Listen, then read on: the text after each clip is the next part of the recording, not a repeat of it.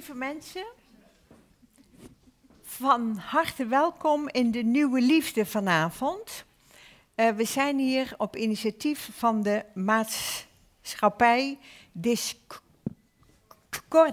Discordia. Dat is een spannend gezelschap van geëmancipeerde toneelspelers dat al bijna 40 jaar bestaat. En de leden ervan zijn op dit moment Annette Kouwenhoven, die is hier aanwezig. Jan Joris Lamers. Ma Matthias de Koning en Miranda P Prijn. Uh, Discordia werkt als een collectief. Dat wil zeggen dat alles, vanuit de administratie tot de techniek, tot het toneelspelen, door iedereen wordt gedaan vanuit de filosofie dat de werkomstandigheden en de inhoud één zijn. Hoewel ik wel moet zeggen dat er nu een Nicole werkzaam is, die met de publiciteit helpt. Oké, dit is een avond die werd geboren uit overvloed. Discordia speelt binnenkort namelijk Liebe Jelinek, Weiblicher Act 10. Dat is een voorstelling die op 19 februari, over één week, voor het eerst op de plank wordt gezet. Met de officiële première op 22 februari. Dat gaat in het theater Frascati, Frascati gebeuren. Maar het maken van deze uh, voorstelling heeft bij de actrices zoveel op gang gezet dat ze het niet allemaal konden onderbrengen in deze ene voorstelling. Ze hebben zoveel bedacht en gemaakt dat ze behoefte hadden aan een extra avond van stukken voordragen, van reflectie en debat. En vandaar deze avond. Die gaat bestaan uit een reflectie van mijzelf, een reflectie van Raja El Muhandis, die zit daar, uit drie voordrachten van sprookjes door deze actrices. En dan volgt een debat over wat we hebben gezien en gehoord. De voorstelling die Discordia dus gaat spelen over één week, die cirkelt rondom de visie van Elfriede Jelinek, dat de liefde tussen man en vrouw een naar, een akelig sprookje is. Citaat van Jelinek. Liefde kan alleen bestaan tussen gelijken en is daarom onmogelijk tussen man en vrouw. Jammer dat ik niet lesbisch ben. Daar moeten we het over hebben hoor. Jelinek doet veel in haar werk met algemeen bekende sprookjes als Sneeuwwitje en Doornroosje. Ze herschrijft ze. Ze geeft snijdend commentaar op het zoete beeld van de liefde dat we tegenkomen in sprookjes. En ze ondermijnt de sprookjes ook door aandacht te vragen voor het geweld dat in sprookjes zit. Het sprookje van de kleine zeemeermin bijvoorbeeld. Dat verbeeldt de liefde als een uiterst gewelddadig gebeuren. De kleine zeemeermin verliest haar stem en ze moet levenslang een snijdende pijn in haar benen lijden, omdat haar staart gekliefd is, om bij haar geliefde prins te kunnen zijn. Ze wordt verdacht gemaakt omdat ze stom is, beschuldigd van hekserij.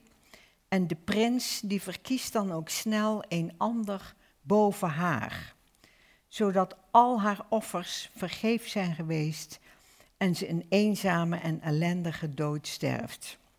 Weg romantiek. Weg het en ze leefde nog lang en gelukkig. En hoe zit het met Doornroosje en Sneeuwwitje? Die worden door prinsen ontdekt die ze nog nooit van hun leven hebben gezien. Hoe fijn is die eerste kus dan eigenlijk? Dat heteroseksuele liefdesromantiek een gewelddadige kant heeft, is door veel feministen over de hele wereld beweerd. Maar wat we vandaag willen weten is welke rol spelen sprookjes in de constructie van die gewelddadige ro romantiek. En hoe die sprookjes onze verbeeldingen en verwachtingen en fantasieën hebben gevormd. Hebben sprookjes meisjes en vrouwen weerbaar gemaakt of juist weerloos? Maken wij de sprookjes of maken de sprookjes ons? Deze vraag geldt voor mannen natuurlijk ook. Een ander intrigerend element in sprookjes is de moeder-dochterrelatie. En dat onderwerp is, zo vindt Discordia, nauw verbonden met dat van de liefde. Dat lijkt mij ook waar. Want elk meisje wordt door het voorbeeld en door de leiding van haar moeder voorbereid op het volwassen leven als vrouw. En dat heeft in alle culturen heel lang betekend een leven als getrouwde vrouw en moeder. En als je de heteroseksuele liefdesrelatie ziet als principieel ongelijk, wat doet die moeder dan? Die loodst haar eigen kind de fuik in. Die is medeplichtig aan de onderwerping van haar eigen dochter. In sprookjes kan de moeder-dochterrelatie heel negatief zijn. De moeder is of afwezig of is een boze stiefmoeder die haar dochter naar het leven staat en zelfs dood wil hebben. Zo'n dochter kan alleen nog maar vluchten, een zeer onveilig huwelijk in bijvoorbeeld. Elfriede Jelinek heeft niet alleen een heel donker, pessimistisch beeld over de man-vrouw relatie, maar over de moeder-dochterrelatie is zij zo mogelijk nog negatiever. Denk aan haar roman De Pianiste, waarin ruim volwassen dochter samenwoont met een moeder die haar gevangen houdt. Een gruwelijk boek. Deze moeder blokkeert voor haar dochter de toegang tot mannen omdat ze haar voor zichzelf wil houden, maar die bescherming werkt averechts. De dochter wordt masochistisch, gaat er op verknipte manieren seksueel op uit en wordt door de man die zij begeert mishandeld en vernederd. Dat Jellinek-beeld van de verstikkende moeder wijkt, vind ik, wel heel ver af van toch genuanceerdheid waarmee de moeder-dochterrelaties in sprookjes worden verbeeld. Daarom neem ik u mee voor vanavond eerst op de, naar de culturele verbeelding van moeder-dochterrelaties. En ik begin. Uh, de mooiste, interessantste en meest genuanceerde tekst die ik zelf ooit las over moeder-dochterrelaties uh, dat is het hoofdstuk in een boek uh, van uh, Adrienne Rich, een feministe. En dat boek heet Uit Vrouwen geboren, oftewel Of Woman Born. Het boek verscheen in 1976 en is door mij aan Marta Voren al in 1980 in het Nederlands vertaald. Deze klassieker heeft voor mij nog niets van zijn kracht verloren. Rich noemt de moeder-dochterband het grote ongeschreven verhaal. Ik lees er een paar passages uit voor. En daar ga ik. Wederzijdse bevestiging van en met een andere vrouw vinden. Dat is het waar zowel dochters als moeders naar hunkeren, zich dan weer van losscheuren wat zij voor elkaar mogelijk of onmogelijk maken. Het eerste besef dat elke vrouw heeft van warmte, veiligheid, wederkerigheid, komt van haar moeder. Die vroegste verstrengeling van het ene vrouwenlichaam met het andere kan vroeg of laat ontkend of verworpen worden, ervaren worden als verstikkende bezitsdrang als een afwijzing, een taboe, een valstrik. Maar in het begin is het de hele wereld. Natuurlijk leert ook het jongetje de wederkerigheid, de warmte voor het eerst door een vrouwelijk lichaam. Maar geïnstitutionaliseerde heteroseksualiteit en geïnstitutionaliseerd moederschap eisen van het vrouwelijke kind dat zij deze eerste gevoelens van afhankelijkheid, erotiek en wederkerigheid overdraagt van haar eerste vrouw op een man. Alleen dan kan zij een zogenaamd normale vrouw worden. Dat wil zeggen een vrouw die haar meest intense geestelijke en lichamelijke energie richt op mannen. Ik zag het menstruatiebloed van mijn eigen moeder voordat ik het mijne zag. Haar lichaam was het eerste vrouwenlichaam dat ik zag om te weten wat vrouwen waren en wat ik later zou worden. Ik herinner me hoe ik met haar in bad ging, in de hete zomers toen ik nog klein was, en hoe ik met haar speelde in het frisse water. Als klein kind dacht ik eraan hoe mooi zij was. In mijn gedachten associeerde ik haar met een prent van Botticelli's Geboorte van Venus aan de muur, half glimlachend en met golvend haar. Als puber keek ik nog af en toe verlegen naar mijn moeders lichaam, waarbij ik mij vaag voorstelde. Ik krijg ook borsten, volle heupen en haar tussen mijn bovenbenen. Wat dat toen ook voor mij betekende met alle ambivalentie van een dergelijke gedachte. Er waren ook andere gedachten. Ook ik zal trouwen en kinderen krijgen, maar niet zoals zij.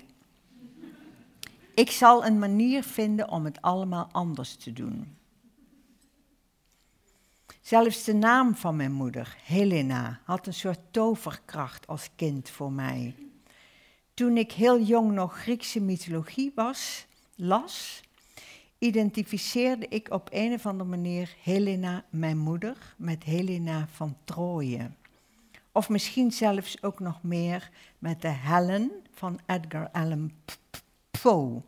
Een gedicht dat mijn vader graag citeerde.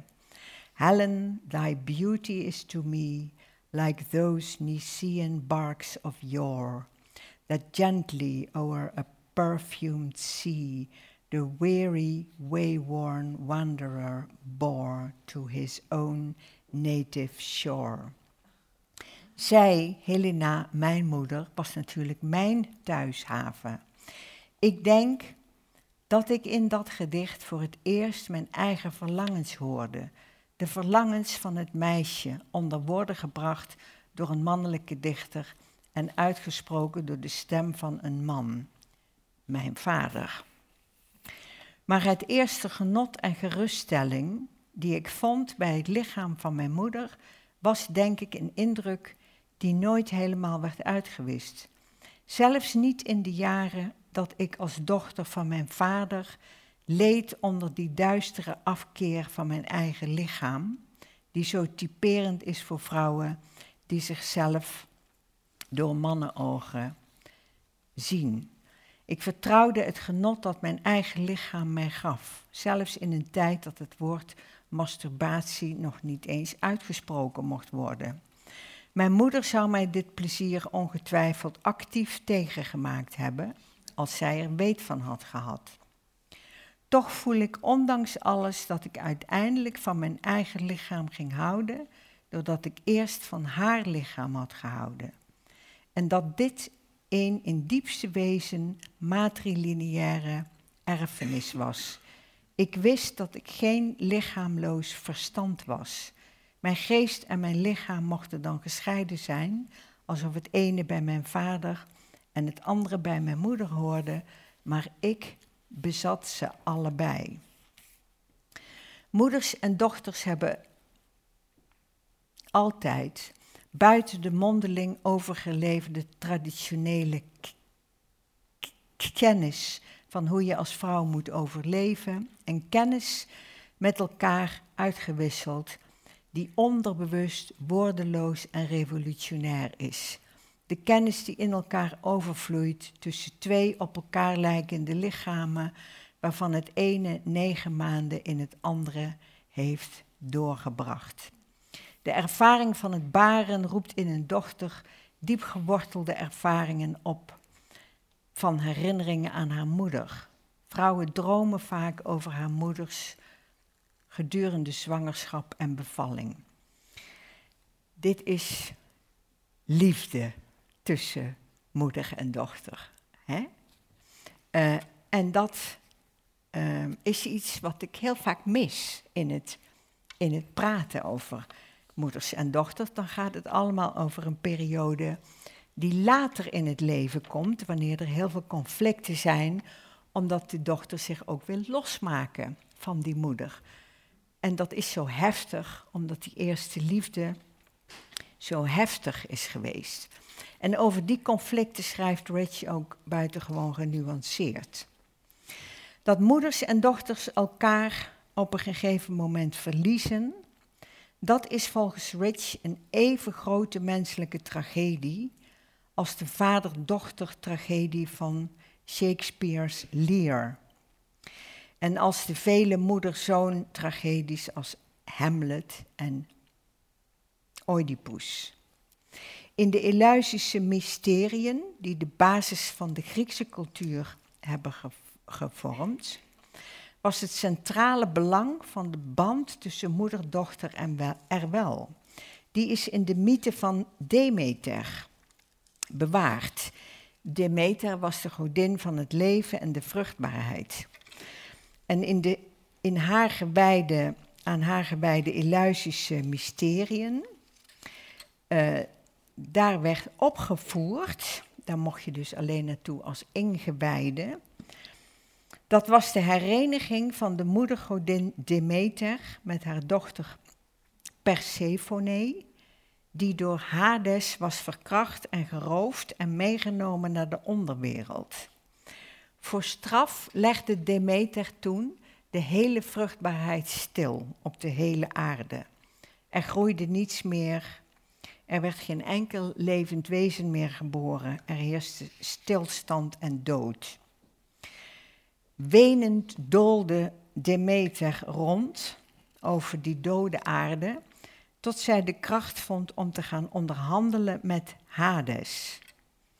En toen kreeg ze haar dochter terug voor negen maanden in het jaar, op voorwaarde dat ze de vruchtbaarheid dan weer uh, zou mogelijk maken terug zou laten keren. En in het ritueel werd het mysterie van de geboorte gevierd.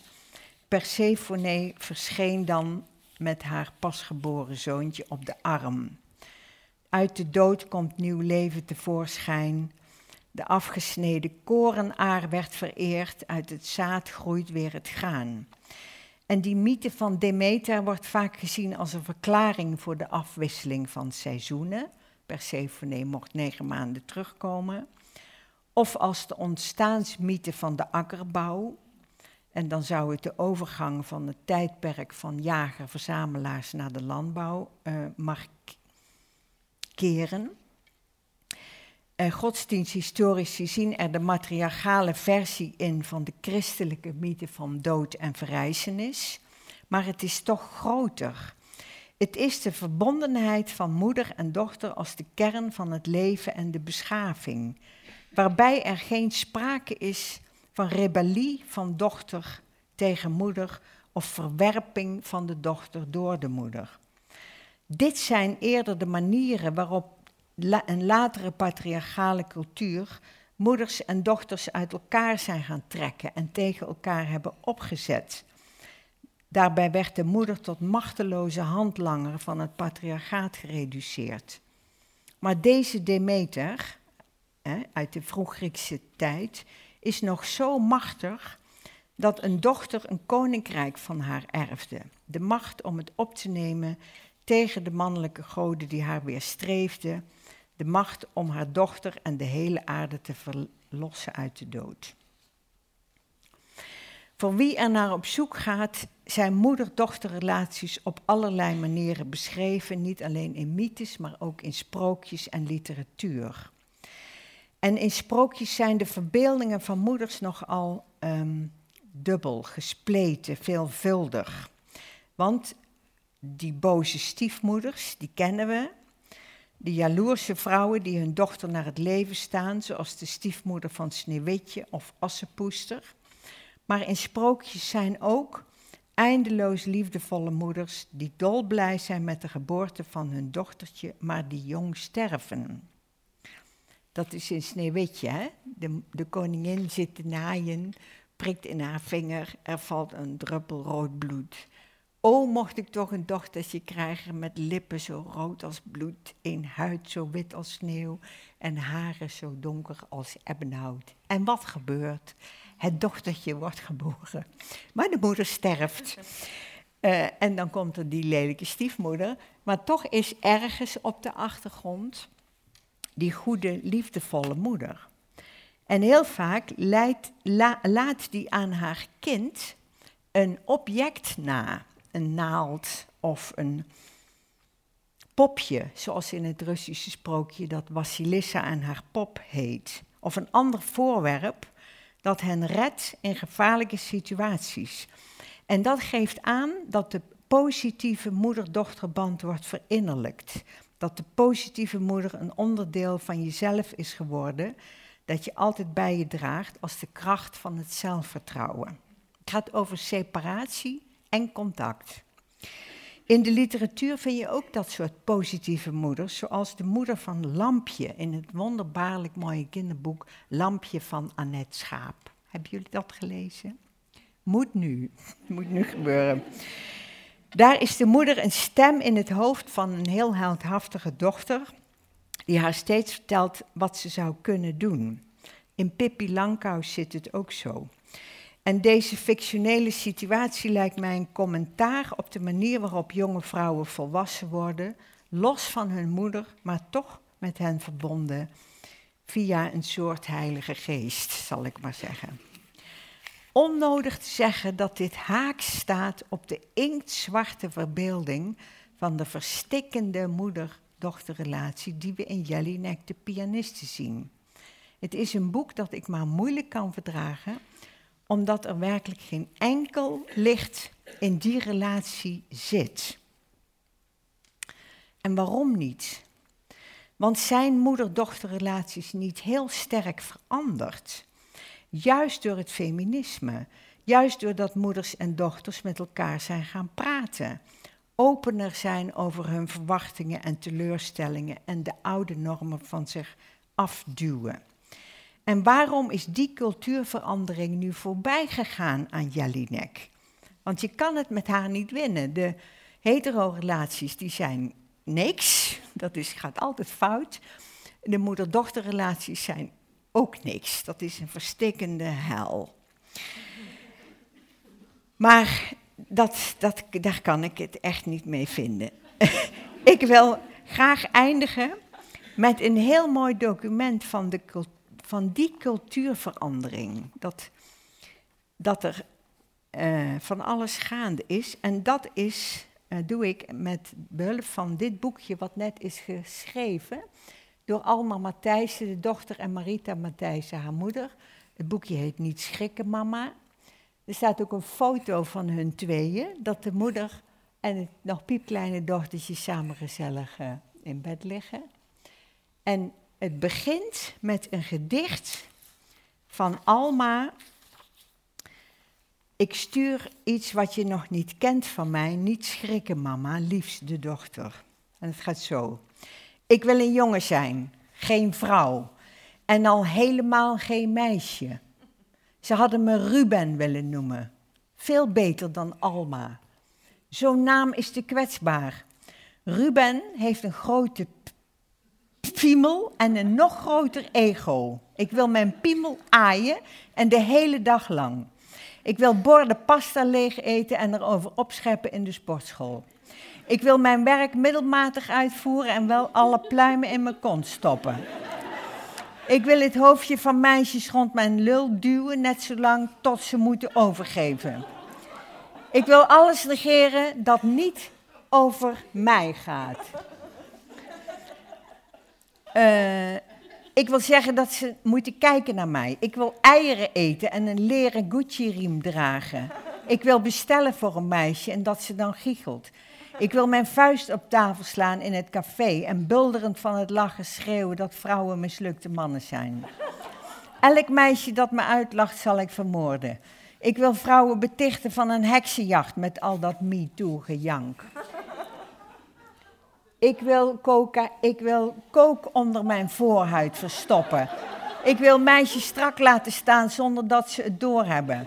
Ik wil drank als wapen gebruiken en mijn handen wassen in onschuld. Ik wil keer op keer vergeven worden en ook een column in de Telegraaf om mijn gedrag goed te praten. Ik wil zalvende handen die me bezweren dat alles wat ik deed goed was. Ik wil zeggen dat vrouwen zich niet zo moeten aanstellen. Ik wil meisjes verkrachten en ermee wegkomen. Ik wil ze vastpakken bij hun haren als ze proberen weg te kruipen. En ze gaan niet schreeuwen, want ik weet heel goed dat dat precies is wat ze verlangen. Ik wil een obsessie met mezelf. En eigenlijk, als ik heel erg eerlijk ben, ik wil een man zijn. Dat wil zeggen, een vrouw zonder angst. Om nooit bang te hoeven zijn in de nacht. Nooit met mijn sleutels tussen mijn knokkels geknepen. Nooit met mijn ogen die, enkel, die elke omgeving scannen. Waarom staat die man daar? Zijn blik aan mij vastgeplakt. Zo donker en zo plat tegen de muur gedrukt. Ik wil altijd weg kunnen, weg kunnen. Schreeuwen, losbreken, maar niet kunnen. Omdat dit lijf verminkt geboren werd, wil ik een jongen zijn. De liefdesrelatie, de, de relatie tussen man en vrouw is hier zoals Jelinek hem beschrijft. Het is ongelijk, het is, het is naar. Maar hier communiceren moeder en dochter echt met elkaar over de manier waarop ze hun vrouw zijn en hun heteroseksualiteit beleven. Want hierop volgen heel veel brieven tussen moeder en dochter. Heel open, prachtig. En het eindigt met een nog veel mooier gedicht van Alma. En dat lees ik straks voor. Voor nu uh, is het qua inleiding even genoeg. En wil ik heel graag uw aandacht vragen voor drie opnieuw geschreven sprookjes. Die door uh, Sarah de Boschere Annette van Kouwenhoven en Miranda Prijn voor ons zullen worden voorgedragen. Ik geef hen graag het woord.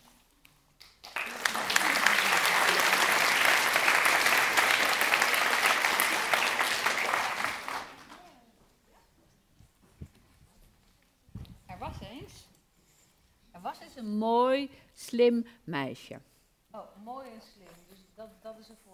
Nou ja, oké, nee, maakt niet uit. Nee, er, was eens een leuk, lelijk, slim meisje. Dat aan de rand van het wilde woud woonde. Ze had alles wat ze nodig had. Ze had een klein warm huis met een groentetuin en een kruidentuin, een boomgaard en een wilde beek.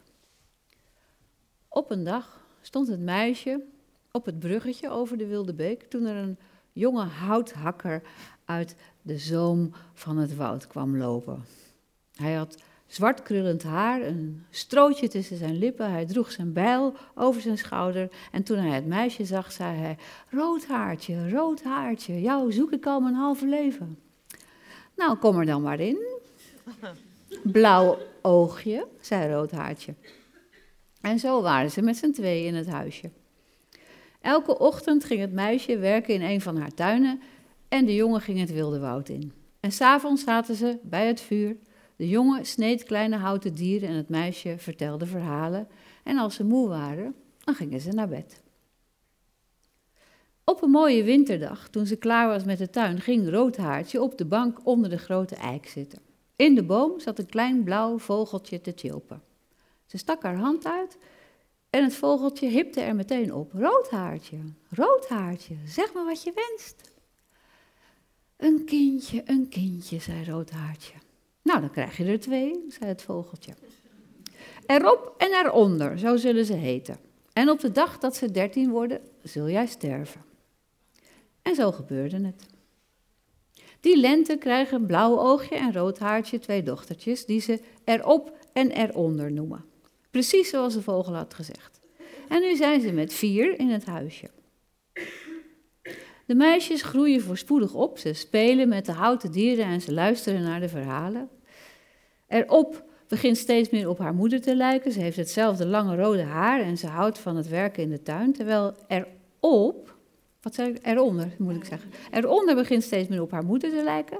Ze heeft hetzelfde lange rode haar en ze houdt van het werken in de tuin. Terwijl erop sprekend op haar vader lijkt en hem zodra ze kan lopen achterna gaat in het woud. En zo leert eronder alles over kruiden en erop alles over dieren en bomen. De avond voor hun dertiende verjaardag roept de moeder de meisjes. Jullie zijn nu groot genoeg om voor jezelf en voor elkaar te zorgen, zegt ze. Morgen zal ik sterven. Begraaf me bij de grote eik en stuur je vader, het woud in, want daar komt hij tenslotte ook vandaan.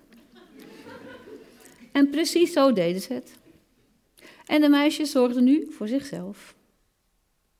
Op een dag, het is nog vroeg in de ochtend, zien ze aan de andere kant van de beek iets bewegen. Een, een zwarte beer, roept erop. En ze rent naar het bruggetje. een prins op een wit paard, roept eronder. En ze rent erachteraan. Klim op mijn rug, roept de beer tegen erop. Kom op mijn paard, zegt de prins tegen eronder. En, en zo deden ze het. En zo rijdt eronder met de prins over de zeven bergen in het land van de zeven dwergen naar zijn kasteel. Daar wordt de bruiloft gevierd en het hele land viert feest. Iedereen vindt eronder het aller, aller, allermooiste meisje. Elke dag wordt ze mooier en mooier. En op het laatst is de prins zo verliefd dat hij haar met niemand meer wil delen. Hij sluit haar op in de torenkamer en laat alle andere deuren van het kasteel vergrendelen. Zij laat al haar kleren vernietigen behalve één nachtjapon. En op een koude morgen, als ze weer eens eenzaam zit te rillen, hoort ze buiten een vogeltje roepen. Eronder, eronder, kom eruit, roept het vogeltje. Maar het meisje staat op en plotseling gaat er een deurtje open wat ze nooit eerder heeft gezien. Eronder, eronder, spring! roept het kleine blauwe vogeltje. En eronder gehoorzaamt. Zodra ze in de lucht hangt, komen er van alle kanten honderden vogeltjes aangevlogen, die allemaal een stukje van haar nachtjapon in hun bekje nemen. En zo vliegen ze eronder over de bergen en de dalen van de dwergen terug naar het wilde woud. Bij de beek ziet ze erop, op de rug van de beer. Voorzichtig zetten de vogeltjes haar op de grond. De twee zusjes vallen elkaar in de armen. De beer gaat in de tuin liggen. Hij houdt de wacht. Erop neemt Eronder mee het huisje in. En Eronder trekt haar eigen kleren weer aan. En samen verbranden ze de nachtjapon. Die avond vertelt Eronder alles wat er is gebeurd. Het begon op de bruiloft, zegt ze. Mijn, mijn haren hingen los als een rode sluier over mijn jurk. En, en iedereen wilde het aanraken, mijn, mijn haren strelen. Dat wakkerde zijn jaloezie aan. En die, die groeide en die groeide en die groeide. Eerst mocht ik het huis niet meer uit en toen sloot hij me op in de torenkamer en daarna stal hij al mijn kleren. En op een dag kwam hij met een hele grote schaar en knipte al mijn haren af. En hij liet mijn haren spinnen en van de wol liet hij een kussentje maken waar alleen hij op mocht zitten. Hij praatte ook helemaal niet meer tegen me, alleen nog maar met zichzelf, alsof zijn jaloezie zo groot was dat hij zelfs jaloers was op zichzelf. Zo mompelde hij alleen nog tegen zichzelf over alles wat hij met me deed. Ik, ik had ook geen naam meer. Ik, ik, was een pop in een pyjama, een ding waar hij alles mee mocht doen wat hij wilde. Hij werd steeds vreder en vreder, alsof hij mij wilde straffen voor zijn eigen neigingen. En dan volgen er nu een paar citaten uit het werk van uh, Elfriede Jelinek, die we hierin zetten. Jij staat open voor een hopeloze liefde, vredig als het konijnenhok op de dag na de slacht zegt hij, schrijft zij dat hij dat zegt. Alleen al van het feit dat je hier bent, schijnt mijn gulp vochtig te worden. Meestal eindigt een uitstapje van het personeel in vochtige vrolijkheid, het verborgene jeukt. Mijn afscheidingsproducten willen naar buiten. Het leven bestaat immers voor het grootste gedeelte uit het feit dat niets daar wil blijven waar het is, zegt hij, schrijft zij dat hij dat zegt. Het gesis dat uit mijn ventiel komt, kan ik zelf met een kleine handgreep aan mijn kookpot die overvol is verhelpen. Ik wil nog niet gaan spuiten, ik wil er ook niet tevergeefs op moeten wachten, zegt hij, schrijft zij dat hij dat zegt. Ik voel in jouw sluimerige geslacht. Draai je tot een puntzak ineen, laat het plotseling weer terugklappen. Behoor ik niet mijn excuses aan te bieden dat ik jou slechter behandel dan mijn geluidsinstallatie? Zegt hij, schrijft zij dat hij dat zegt? Sinds kort heb ik mijn vrouw ook verboden zich te wassen. want ook haar geur is helemaal van mij. Ik ga in mijn kleine stuk bos tekeer, beuk met mijn zware broodkorst jouw parkeerplaatsen binnen, zodat je vaak helemaal potdicht zit, deksels nog aan toe, zegt hij, schrijft zij dat hij dat zegt. Steeds dezelfde zinnen, steeds dezelfde taal, maar het werkt altijd, net als met porno. Het werkt altijd, hoe afgezaagd het ook is, het werkt altijd. En toen, en toen zei erop, nu ben je weer thuis, hier ben je veilig. De beren uit het woud zullen je beschermen, nu kun je doen wat je wilt. En eronder zei, ja, morgen ga ik gewoon weer werken in mijn tuin. Maar vandaag verander ik mijn naam. Ik heet niet langer eronder. Ik heet nu eroverheen. Want dat is wat ik wil zijn. Dus dat is nu wat ik ben.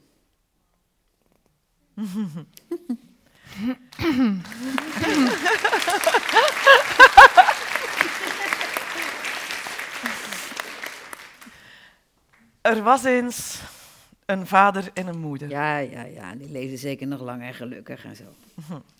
Er was een. Ja, en dan precies op die dertiende verjaardag. Dan zijn die ouders natuurlijk weer niet thuis. Er was eens een vader en een moeder en die hadden een tweeling. De Sue en de Su. De Sue werd als eerste geboren, de Su kwam een beetje later. De vader en de moeder hielden veel van elkaar en waren erg gelukkig met hun prachtige dochtertjes. In hun huisje was het heel gezellig. Er werd gelezen, muziek gemaakt en geknutseld. Allerlei dieren liepen in en uit.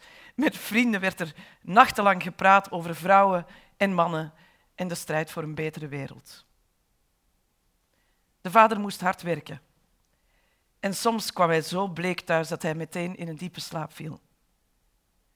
Na een half uurtje werd hij wakker en dan keken ze samen naar Bert en Ernie op tv. Maar toen begon alles te veranderen. De vader werd bleker en bleker. Het vriendenbezoek liep uit op ruzie, totdat ze niet meer kwamen en ook de diertjes bleven weg. En op een dag kwam de vader zo moe thuis dat het leek of hij flauw zou vallen. Ik mag niet slapen, riep hij in volle pijn. Ik moet wakker blijven, altijd eerst, altijd wakker. De meisjes keken hem aan en begonnen te huilen. Ze herkenden hem niet. Ze zagen in zijn ogen de blik van een wild beest. Ik ben zo moe, zei hij. Ik kan niet meer. Ik heb mij geprikt aan de doorn van de consumptiemaatschappij en nu moet ik honderd jaar slapen.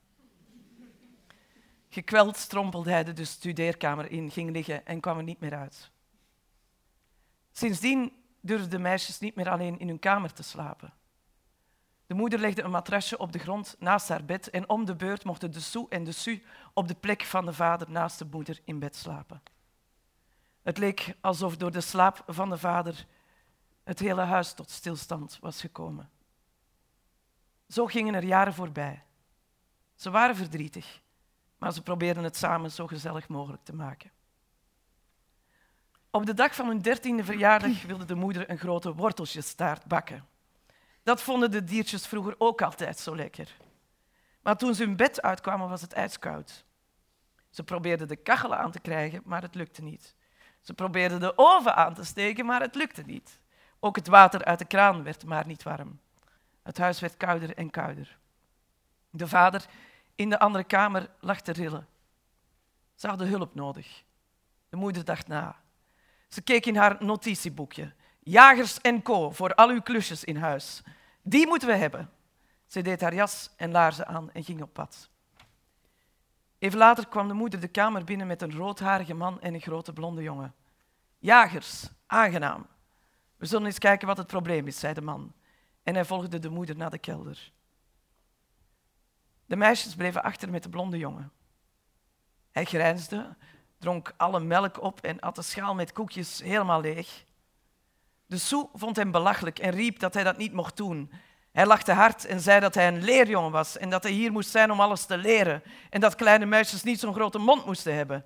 En terwijl hij dat zei, drukte hij de Soe tegen de muur, pakte haar stevig bij haar nek en duwde haar hoofd naar beneden. De Soe stond met haar gezicht tegen de broek van de jongen gedrukt. Ze kon hem ruiken. Ze zag zijn broeksriem, zijn rits. Ze zag de stof en voelde de verdikking eronder. Ze werd duizelig. De Su duwde de jongen zo hard dat hij op de grond viel. Hij greep de twee meisjes bij hun haar en bond ze met zijn sjaal vast aan de tafelpoot. Op dat moment kwamen de moeder en meneer Jagers uit de kelder. Ze zagen er heel opgelucht uit. Het is gelukt, zei Jagers. Het wordt terug lekker warm. En hij kuste de moeder teder in de hals. Toen zagen ze de meisjes vastgebonden aan de tafelpoot. Dat ging te ver. Jagers werd erg boos en gooide zijn leerjongen het huis uit. Daarna gingen er steeds vaker dingen in huis kapot. Dan kwam Jagers weer langs en verdween met de moeder in de kelder. Wanneer de problemen daar beneden opgelost waren, waren ze opgelucht, kwamen ze opgelucht weer naar boven en kusten ze elkaar. De meisjes vonden de bezoekjes van jagers vreemd. Het maakte hen onrustig. De Sue sloop iedere, de Sue sloop iedere nacht naar de kamer van de vader om hem heel even te zien. En de Sue lag te woelen en voelde aldoor de dwingende hand van de jongen in haar nek. Op een nacht leek het alsof ze haar bed werd uitgetrokken. Ze liep naar buiten in haar hemdje en onderbroek. Na een tijdje kwam ze aan in een donker bos. De maan scheen. In de verte tussen de bomen zag ze iets bewegen. Ze liep er naartoe. Ze herkende de blonde jongen. Hij droeg geen kleren en het leek of hij een vacht had. Hij had een enorme erectie. Nee, mij, zei ze, ik wil het. Ze ging op de grond liggen en deed haar broekje uit. Haar hemdje hield ze aan. Hij kroop op haar. Zij herkende zijn geur. Het was niet makkelijk om het jonge meisje te penetreren, maar hij pompte in haar op en neer en kwam klaar. Hij beet even in haar nek, krabbelde terug recht en verdween. De Soe veegde met haar onderbroek tussen haar benen en zag dat er bloed op zat. Thuis gooide ze het broekje meteen in de vuilnisbak en legde zich naast haar moeder en de Sue op het matrasje en viel in een diepe slaap. Zo ging het nacht na nacht. Ze sloop het huis uit en zocht de jongen op. Ze werd steeds wilder. Maar toen de jongen op een nacht haar hemdje verscheurde, schreeuwde de Soe het uit. Ze duwde hem van zich af en rende huilend weg. Haar armen klemde ze om zich heen. Ze wilde niet dat iemand haar groeiende borstjes zag. Ze wilde geen vrouw worden. Ze wilde een kind blijven. Moeder en de Sue schrokken wakker van het geschreeuw in de verte en zagen dat de Sue niet op het matrasje lag. Er zit niets anders op. We moeten papa wakker maken, zei de Sue. En ze gingen de kamer van de vader binnen en kusten hem. De vader knipperde met zijn ogen en zei: Ik heb zo ongelooflijk diep geslapen. Wat goed om mij op tijd wakker te maken. En ze omhelzen elkaar. Op dat moment kwam de Sue rillend binnen. Ze was helemaal bloot. De moeder wikkelde haar in een deken en legde haar in bed. Ze sliep drie dagen en toen was het lente. De zon begon te schijnen. De vrienden kwamen weer op bezoek. De diertjes durfden weer binnen. De kachel ging niet meer kapot en meneer Jagers hoefde nooit meer langs te komen.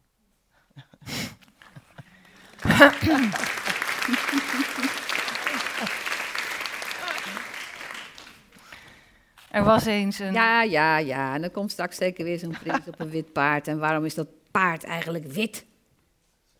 Er was dus eens een En meisje. dan gaat die spiegel straks zeker ook nog wat zeggen. En zij voelde zich anders dan alle andere kinderen. Terwijl er zo op het eerste gezicht niets vreemds was aan haar.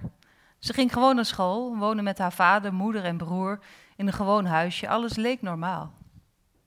Maar toch was er iets vreemds. Het meisje had geen gezicht. Wie het had gestolen of wanneer het was gebeurd, kon ze zich niet herinneren, maar het maakte haar heel ongelukkig. Op school werd ze wel elke dag herkend en begroet door de andere kinderen, maar ze wist dat zij niet wisten wie ze was, omdat ze geen gezicht had. En ze wist ook dat ze dat zelf niet wist, omdat ze niet wist hoe ze eruit zag. Ze dacht dat ze niet bestond. Ze huilde veel omdat ze ook wilde bestaan, net als de andere kinderen. En het was haar wel eens opgevallen dat de moeders van de andere kinderen, de andere kinderen op het schoolplein, kusjes gaven of iets liefs zeiden, en dat haar moeder dat nooit deed. Zij gaf nooit kusjes, zei nooit iets liefs en kwam ook nooit op het schoolplein. Dat kwam omdat haar moeder heel bang was en heel arm. Ze hield wel veel van haar moeder, dacht ze zelf. Ook al vond ze het wel raar dat haar moeder altijd alles van haar wilde stelen en steeds in haar dagboek wilde lezen.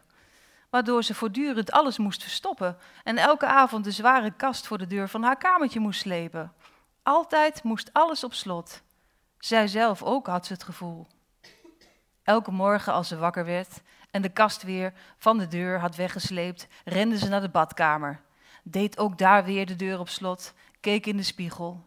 Misschien vandaag, hoopte ze steeds weer, maar elke dag weer niets.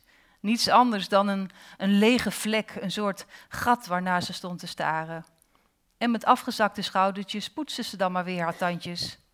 Ook op school, op weg naar school, overal waar een spiegel was of iets waar ze zichzelf in kon bekijken, alles greep ze aan in de hoop haar gezicht terug te zien. Maar tevergeefs. Jaar in, jaar uit, het bleef een gat, een ongevulde leegte. Maar toen, op een ochtend, voor het poetsen, hoorde ze een stem. Je kijkt niet goed. Verbaasd draaide ze zich om. Ze was hier toch alleen? De deur was toch op slot? Waar kwam die stem vandaan? En hoezo keek ze niet goed? Het was toch duidelijk, ze had geen gezicht. Linksboven in de hoek van de badkamer zag ze in een flits een gezicht verdwijnen. Blijf, riep ze nog. Wie ben je? Ze had het niet goed kunnen zien. Was het mooi? Welke kleur hadden de ogen? Wat voor mond? Leek het op de gezichten van de andere kinderen? Oh, waar was het nou? Je kijkt niet goed. Hoe moest ze anders kijken dan? En die dag ging ze niet naar school. Ze wilde dat gevoel niet meer, dat gevoel dat ze eigenlijk niet bestond, dat ze altijd alles moest verstoppen. Ze liep naar buiten, gewoon rechtdoor en kwam in een bos. Ze bleef lopen en lopen tot ze niet meer kon en toen ging ze op een boomstam zitten, bij een donker vijvertje op een open plek. Je kijkt niet goed, je kijkt niet goed. Wat had dat te betekenen? Ze had dan wel geen gezicht, maar kijken kon ze heus wel. Wanhopig liet ze haar hoofd zakken en zag het water onder zich. Toen gaf ze een gil. Wah! Nog een keer keek ze heel voorzichtig en weer was het er. Een gezicht. Een gezicht dat niet van haar kon zijn. Een gezicht dat ze wel kende. Het was het gezicht van haar moeder. Ze had het gezicht van haar moeder. Ze schreeuwde: Nee, dat wil ik niet. Niet dat van mijn moeder. Ik wil mijn eigen gezicht terug. Ik haat je, vuile dief. En van die laatste woorden schrok ze zo dat ze keihard begon te huilen. En op dat moment schoten er een paar zonnestralen van hoog boven door het bladerdak van de bomen naar beneden en kwamen terecht op de wangen van het huilende meisje. En met haar handjes veegde ze haar tranen weg en opeens voelde ze haar wangen. Ze voelde haar lippen, ze voelde haar oogleden, ze voelde haar wenkbrauwen en toen moest ze nog harder huilen. Ik heb een gezicht. Haar tranen vielen één voor één in het water onder haar.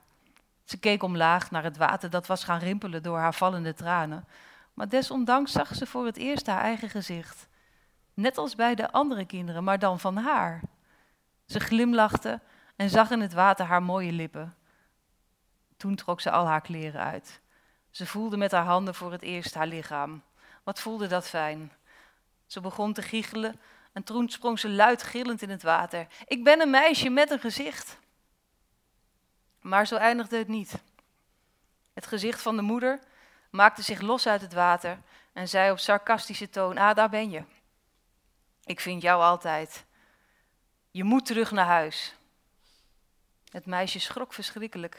Ze klom uit het water en probeerde zo snel mogelijk haar kleren te pakken, bang dat haar moeder met haar ogen ook nog haar lichaam zou stelen. Haar hart klopte als een razende en ze begon onder de dwingende blik van haar moeder naar huis te rennen. En jaar in, jaar uit herhaalde dit weglopen gevolgd door de gedwongen terugkeer zich. Geen van beiden gaven op. Zelfs toen de moeder er al lang niet meer was, ging het meisje ermee door. Wel niet echt een happy Nee, dat is geen vrolijk sprookje.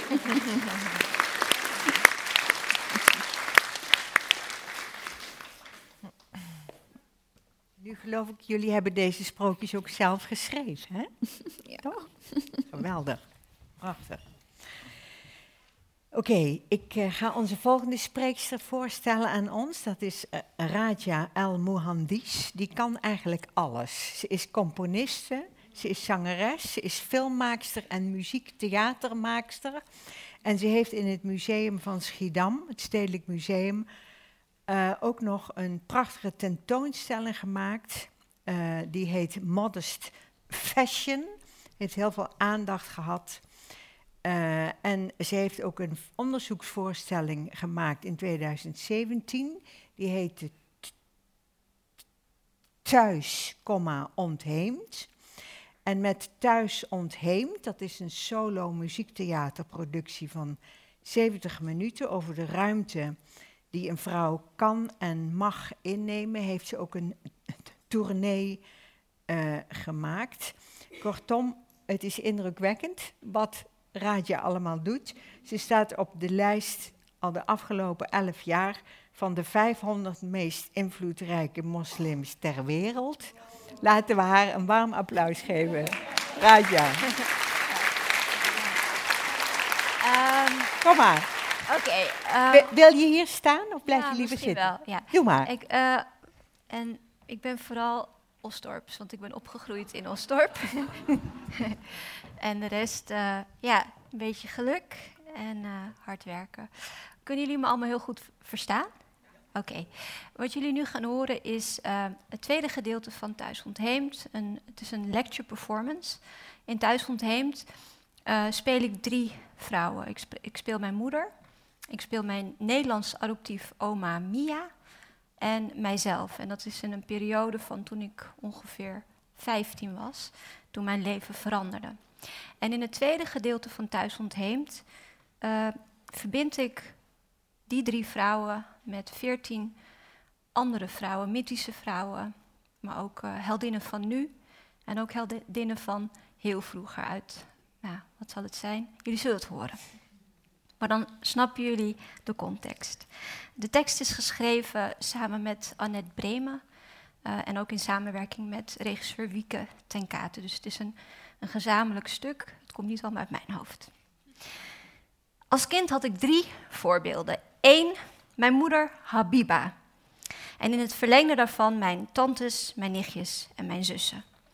Ik leerde koken, schoonmaken en brood bakken. Ik leerde zorgen, van zorgen en zwijgen. Twee, juf Henny. Ik leerde, want zij was mijn balletjuf in Osdorp. Ik leerde een pirouette en dat je geld kan verdienen met kunst. Drie, mijn oma Mia, mijn Nederlands adoptief oma die ik op mijn achtste letterlijk adopteerde. Ze had een eigen auto en uh, alle tijd van de wereld om overal heen te gaan. Ik leerde dat de tijd van jou kan zijn. Deze vrouwen, deze drie vrouwen, hebben mij gered van het hebben van maar één verhaal over wie of wat een vrouw kan zijn. En samen vormen ze mijn verhaal. Ik wist dat als ik iets anders wilde dan alleen zorgen en zwijgen, dat ik weg moest. Maar waar begint mijn verhaal? Want het maakt uit waar ik begin. Begin ik bij het meisje van 15 jaar dat wegloopt, of begin ik bij de vrouw die ik nu ben? Begin ik bij een vrouw, Habiba, mijn moeder, die niet kan lezen en schrijven, of bij haar vijf kinderen die succesvolle Nederlandse burgers zijn en die zij heeft klaargestoomd? Begin ik bij tien verschillende pleeggezinnen en kindertehuizen, of begin ik met een lied? Want het maakt uit waar ik begin. Wat is een verhaal? Want daar wil ik met jullie bij stilstaan. Een verhaal, een sprookje, een mythe. En wat is de architectuur van een verhaal? Een verhaal is een verslag van een reeks gebeurtenissen die met elkaar verbonden zijn. Verteld in een volgorde van woorden of beelden, of allebei met een begin, een midden en een eind. Dat is een verhaal. Wie een verhaal vertelt over verhalen, moet vertellen over macht. Macht is niet alleen economisch, niet alleen politiek. Macht is ook bepalen welke verhalen er worden verteld. De macht om niet alleen een verhaal te vertellen, maar ook om een verhaal over een ander te vertellen. En ook om dat verhaal tot het definitieve verhaal over de ander te maken, zonder de ander zelf zijn of haar verhaal te laten doen. Laten we zeggen, bijvoorbeeld, als we westerse schilders moeten geloven, lagen wij vrouwen gedurende de afgelopen eeuwen vooral zwijgend naakt op een bank. Nou, en als we islamitische schilders moeten geloven, bestonden we überhaupt niet. Hè? Ik neem jullie mee naar een anekdote. Een paar jaar geleden meld ik me bij de artiesteningang van een theater. Ik moet die avond daar optreden en in de gang, bij de ingang, kom ik een vrouw tegen en zij spreekt me aan en verwelkomt me. Goed dat u er bent. Ik zal u even laten zien waar u moet zijn. Het hok met alle schoonmaakspullen. Eh, nee, sorry, ik kom hier zingen. Oh, oh, sorry. Nee, ja, sorry. Nee, nee, sorry, mijn sorry. Nou, en zo sorryen we ons door het ongemak heen. Wat is hier zo ongemakkelijk aan? Dat ze zich vergist, dat ze mij aanziet voor de schoonmaakster terwijl ik de artiest van de avond ben. Vind ik dat erg? Nee, niet het ergst. Wat ik erg vind is dat ze al wist wie ik was nog voordat ik iets gezegd had.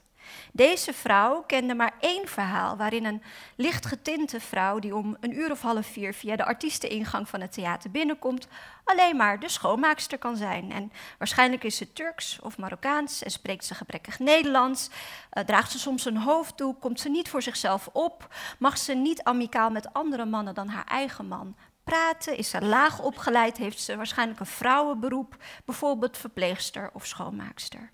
Dit is het enige verhaal dat de vrouw in het theater kent. En dit verhaal is zo vaak herhaald en herhaald en herhaald dat het voor haar het enige verhaal geworden is met hetzelfde begin, hetzelfde midden en hetzelfde eind. Nou, dat verhaal begint in de jaren 60, 70. Moet je nagaan, zo lang hoort ze het verhaal al. Moet haar toch ook al gaan vervelen, zo'n verhaal. Ze hoort erover op de tv en in de krant. Migrantenvrouwen worden ze genoemd. En ze leert ze kennen als de onderklasse. Hun mannen werken in de fabrieken. En het verhaal dat niet wordt verteld, is dat ze gekozen zijn omwille van hun sterke handen en hun goede gebit. En dat het een pre is dat ze niet kunnen lezen en schrijven. Wat wordt verteld is dat ze blijven, ook al zegt hun naam dat ze te gast zijn. En na 9-11, 2001, komt daar nog een naam bij: moslim en moslima. Op de tv en in de krant hoort de vrouw dat woord steeds vaker als het gaat over vrouwen met een islamitische achtergrond in combinatie met een probleem. Door dit ene verhaal komt het niet in haar op dat zo'n vrouw op haar kan lijken, op welke manier dan ook. Door dat ene verhaal kan ze niets anders voelen dan ongemak. Er is geen mogelijkheid om een verbinding met elkaar aan te gaan als gelijken. En het doet er niet toe dat wij allebei vrouwen zijn, dat we allebei op een plek zijn, het theater, waar we erg graag zijn. Dat doet er niet toe. Kijk, het probleem van het ene verhaal is niet dat het niet waar is. Hè? Het verhaal van het ene verhaal is dat het maar één verhaal is. Zowel voor de toehoorder als voor de hoofdpersoon. Zowel voor haar als voor mij. En het verhaal is schadelijk voor ons allebei. Voor de vrouw en de perceptie die zij heeft van een groep. En voor mij, voor iemand zoals ik, die dit verhaal over zichzelf hoort. En zich daar niet in herkent. Zelfs stikt in de norm die wordt gesteld en zich daarom wellicht afkeert van de samenleving. Omdat er verhalen ontbreken. Voorbeelden, mythen, sprookjes, rolmodellen. Een alternatief. Als er maar één verhaal is, ga je die vanzelf geloven. Maar als ik een kind zou hebben, ik heb geen kind, maar als ik een kind zou hebben, een dochter of een zoon, dat maakt mij niet uit, dan zou ik het verhaal beginnen met Khadija bint Khuwailid. Een zeer succesvolle en steenrijke zakenvrouw van 40 jaar, die een man ontmoet die 15 jaar jonger is dan zij. Via haar vrouwelijke PA biedt zij hem een baan aan. En dat is omdat hij een uitstekende reputatie heeft, hij is betrouwbaar, maar vooral ook omdat hij haar winst weet te verdubbelen. Hij intrigeert haar en via haar vertrouwelingen, waar ze heel veel goede verhalen van hoort, vraagt ze hem, ondanks dat hij 15 jaar jonger is dan zij, en ondanks dat hij haar niks financieel te bieden heeft, uh, om met haar te trouwen. Ze blijken, ze blijken soulmates te zijn. Ze helpt hem zich te ontwikkelen tot een leider. Ze krijgen samen zes kinderen en ze blijven tot aan haar dood 25 jaar lang monogaam samen. En later wordt hij bekend als de profeet Mohammed. Nou ja, over de profeet Mohammed, vrede zij met hem, is er genoeg informatie. Hè? Maar de rol van Khadija bint Khuwailid, vrede zij met haar, die ook uh, nog eens de eerste moslim uit de geschiedenis is uh, van deze religie, wordt in de geschiedschrijving, behalve het aanstippen van haar uitstekende reputatie, haar voorbeeldrol als vrouw, als echtgenote, als vertrouwelinge, een believer, naar mijn mening ernstig tekort gedaan. En waarom? Nou, aan de profeet lag het niet, want um, uh, nou ja, hij heeft haar enorm geëerd, maar wel aan de verdere architectuur van de kanon, hè, van deze mythe van dit verhaal. Van de geschiedschrijvingen naar, naar mijn mening komt dat vooral door de ego van machthebbers. Khadija, als we haar in de architectuur van de taal van deze tijd zouden omschrijven, was de investeerder van de grootste start-up ooit. Een wereldreligie. Zij werd in 555 geboren als telge uit een familie van succesvolle handelaren. Na de dood van haar vader werd zij CEO en CFO en leidde zij zijn imperium vanuit Mekka met, de, met grote karavanen in de handelsroute van Saudi-Arabië, Jemen en Syrië. Daarnaast was zij ook filantrope en feministe. Voordat Mohammed in beeld kwam, hè, 25 jaar was hij. Nee, uh, nee, 40, 25, ja. Um, uh, voordat hij in beeld kwam, was zij reeds twee keer getrouwd. Waarbij zij ook investeerde in de start-up van een andere echtgenoot van haar. Maar hij overleed helaas. Ze raakte niet verbitterd, maar ze bleef openstaan voor de liefde. En dat is bijzonder, want ze leefde in een tijd waarin vrouwen als minderwaardig werden gezien. En praktijken, zoals het levend begraven van pasgeboren meisjes, gangbare tribale praktijken waren. Als tweemaal weduwe, moeder en zakenvrouw omringde zij zich met vertrouwelingen. Ze wees talloze huwelijksverzoeken van rijke mannen af en volgde haar eigen instinct. Ze zette de rol van haar mannelijke familieleden strategisch in om kansen die ze zag en wilde nemen succesvol te verzilveren. De jonge 25-jarige Mohammed, die wees was en zich onderscheidde als harde werker, viel haar op en zij koos hem uit vanwege zijn potentie en zijn betrouwbaarheid. Hoe kan het dus, en dat vraag ik me heel vaak af, dat in de geschiedschrijving de rol van Khadija uitgedund is en haar waarde vooral beschreven wordt vanuit haar rol in de privésfeer? Nou, we kunnen veel leren van de geschiedenis, want als we vanuit deze bril kijken naar de startfase van de islam, dan was het doordrenkt met matriarchale en feministische energie. En wanneer het licht geschenen wordt op de zakelijke en visionaire rol van Khadija in de totstandkoming van de islam, dan is het nu wellicht tijd om haar rol, haar archetype, haar mythe en haar voorbeeld recht te doen. Khadija, de investeerder van de grootste start-up ooit, maakt haar een voorbeeld voor alle vrouwen en mannen. Want zonder haar steun, haar investeringen, haar bescherming en visie had de geschiedenis van de islam er echt anders uitgezien. Wie kent hier de muhaddithat? Wie heeft daar ooit van gehoord? Nou, als ik een kind zou hebben dus, een jongen of een meisje, dat maakt mij niet uit, dan zou ik het verhaal voortzetten met de muhaddithat, de vrouwelijke geleerde in de islam die 1400 jaar lang tot aan de 16e eeuw, in de 16e eeuw is, is er iets veranderd, vooraanstaande vrouwen waren die aan de hadith schreven en haar onderwezen. Ze reisden rond en overal waar ze kwamen werden ze gerespecteerd. Zowel door mannen als door vrouwen. Maar ik denk ook omdat ze wat langer leefden in die tijd. Vorig jaar kwam een 53-delige encyclopedie uit in Marokko. De Indiaanse orthodoxe theoloog en Oxford Research Fellow Mohammed Akram al-Nadwi vond het zijn religieuze orthodoxe plicht om de rol en de invloed van vrouwen op de totstandkoming van de overleveringen van, van, de, van de profeet Mohammed, de hadith, te onderzoeken en de geschiedschrijving recht te zetten. Twaalf jaar geleden, want het was een gok, dacht hij er misschien twintig te kunnen vinden. En inmiddels zijn het al 9000 vrouwen. Hij zegt het volgende. En je moet je voorstellen dat dit een orthodoxe theoloog is. Moslimsamenlevingen en gezinnen beperken vaak het potentieel van hun meisjes en vrouwen. Hij vergelijkt deze beperking met het levend begraven van meisjes. Dus dat wil zeggen vrouwelijke kindermoord, maar nu dan symbolisch dat in de pre-islamitische Arabië werd toegepast. Hij schrijft de achteruitgang van elk aspect van de islam, een, on, een, onzekerheid, een zwakte toe, die leidt tot de beperkingen op het onderwijs van meisjes en de rechten van vrouwen. Mijn hoop is dus dat zijn onderzoek ooit vertaald zal worden, zodat deze informatie ook onze geschiedenisboeken, lessen en dominante media hier weet te bereiken, zodat we een eind kunnen maken aan het weggummen van de invloed van vrouwen en zodat misinformatie verholpen kan worden. Want dat is het naar mijn mening. Maar nu terug naar mijn leven, naar, hier, naar het hier en nu. Stel je voor dat wat ik jullie net vertelde, dat dat het ene, enige verhaal zou zijn geweest dat eindeloos was herhaald. Wat zou die vrouw op die middag in dat theater dan tegen mij hebben gezegd? Hoe zou het leven van mijn moeder zijn geweest? Zou ze me dan meer hebben kunnen leren dan alleen zorgen en zwijgen? Zou ik van huis weggelopen zijn? Als je alleen dat ene verhaal kent dat er over jou bestaat, wanneer stap je daaruit en begin je je eigen verhaal?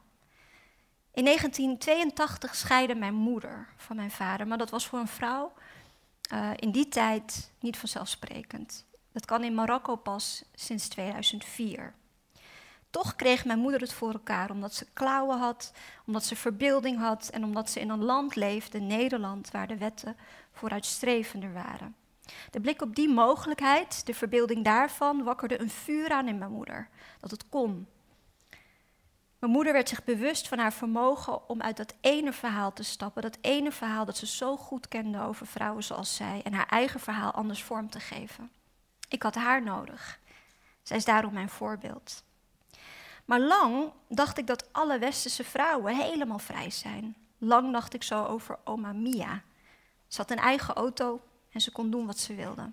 Ik geloofde in dat verhaal. En later dacht ik, weet je, die westerse vrouwen, die zijn verwend, ze hebben alles en ze hebben in hun eigen leven nooit ergens voor hoeven strijden. En nog later wist ik, natuurlijk is dat niet waar. Waarom was oma Mia geen apothekersassistente meer nadat ze kinderen kreeg? Luisterde zij niet altijd naar haar man, opa Ed? En lang dacht ik dat mijn moeder niet was zoals die westerse vrouwen. Zelf, zelfs ik was gaan geloven dat dat ene verhaal over haar het enige was. En ook mijn moeder geloofde maar één verhaal over de vrouw die ik kon worden. We horen dus minder dan de helft. En we zien dus minder dan het halve plaatje. Dus mijn voorstel is, wat hebben wij nodig? Wat hebben wij nodig om zoveel misinformatie te doorbreken?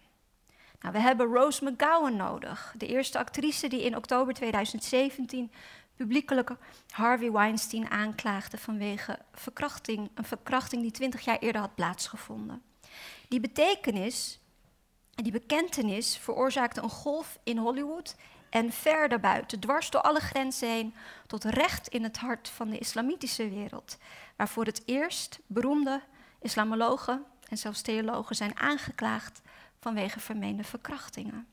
In een interview zegt Rose: Hollywood may seem like an isolated thing, but it's the messaging thing to your mind. It's the mirror that you are given to look into. Met andere woorden, Hollywood vertelt ons verhalen en is de spiegel waarin we kijken.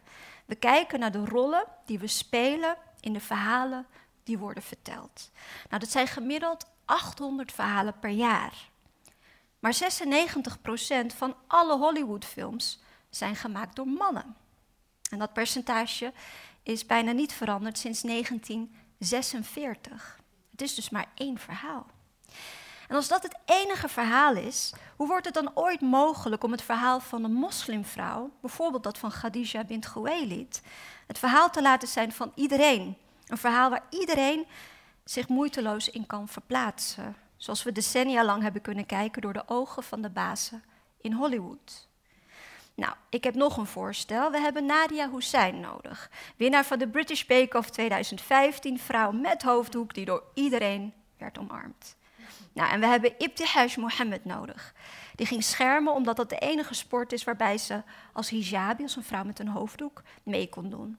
In 2016 won ze brons op de Olympische Spelen. En we hebben de eerste gesluierde Barbie nodig, die gemaakt is naar Ibtihaj voorbeeld. Tadaa. Wat hebben we nog meer nodig? We hebben Alexandra Haye nodig, die de geschiedenis is ingegaan als de prima gondoliera, de eerste vrouwelijke gondolier in een 900 jaar oud Venetiaans mannenbolwerk.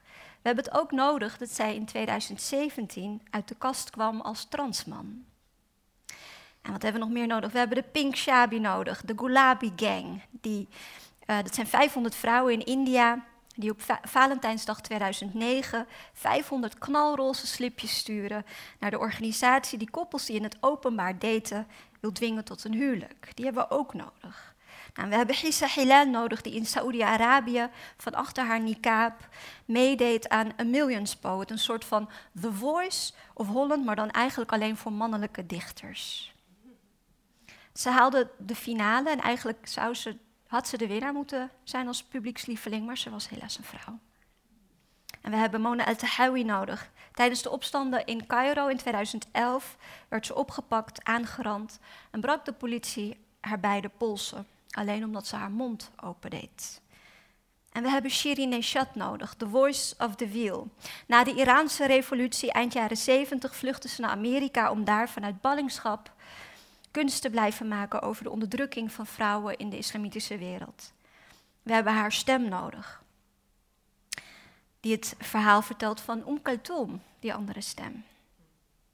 En ik had haar nodig, Anne-Maria van Schuurman uit Friesland, die in 1636 de eerste vrouwelijke studenten aan een Europese universiteit, wel in Nederland, was, alleen wel van achter een gordijn, zodat ze de mannen niet tot last zou zijn. We hebben Aletta Jacobs nodig, die in 1878 de eerste Nederlandse vrouwelijke arts werd. En we hebben Suze Groeneweg nodig, die in 1918 de eerste vrouw in de Tweede Kamer werd.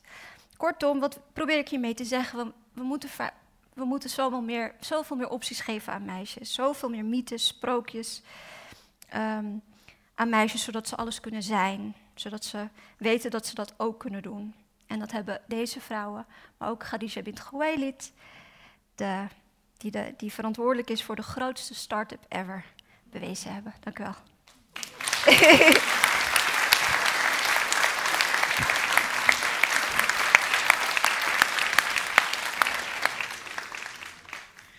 nou, prachtig, heerlijk.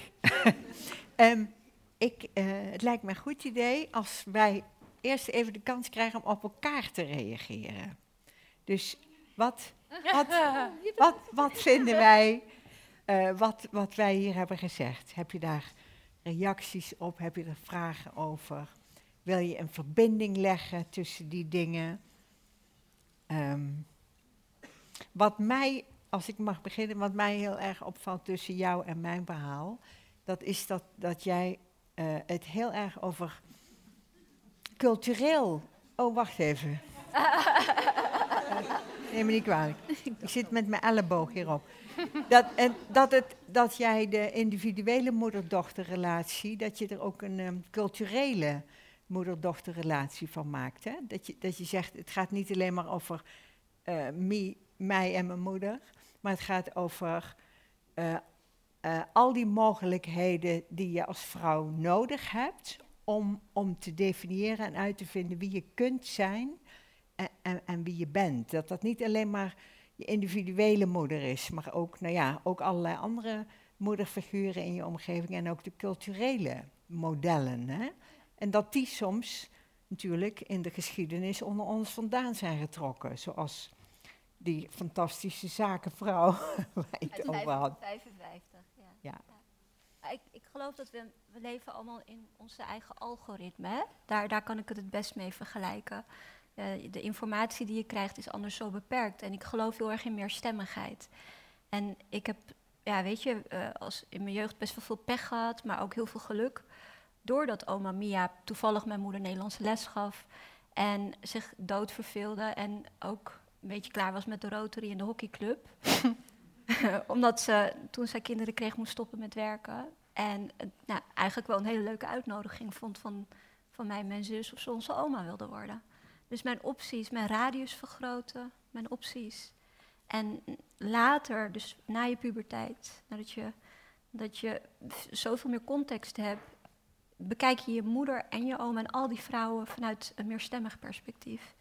Ja. En ik heb het idee dat als als je dan ook kijkt naar hoe, wat het betekent om te schipperen tussen culturen, dat je uit alle, al, al die wijsheden wat krijgt.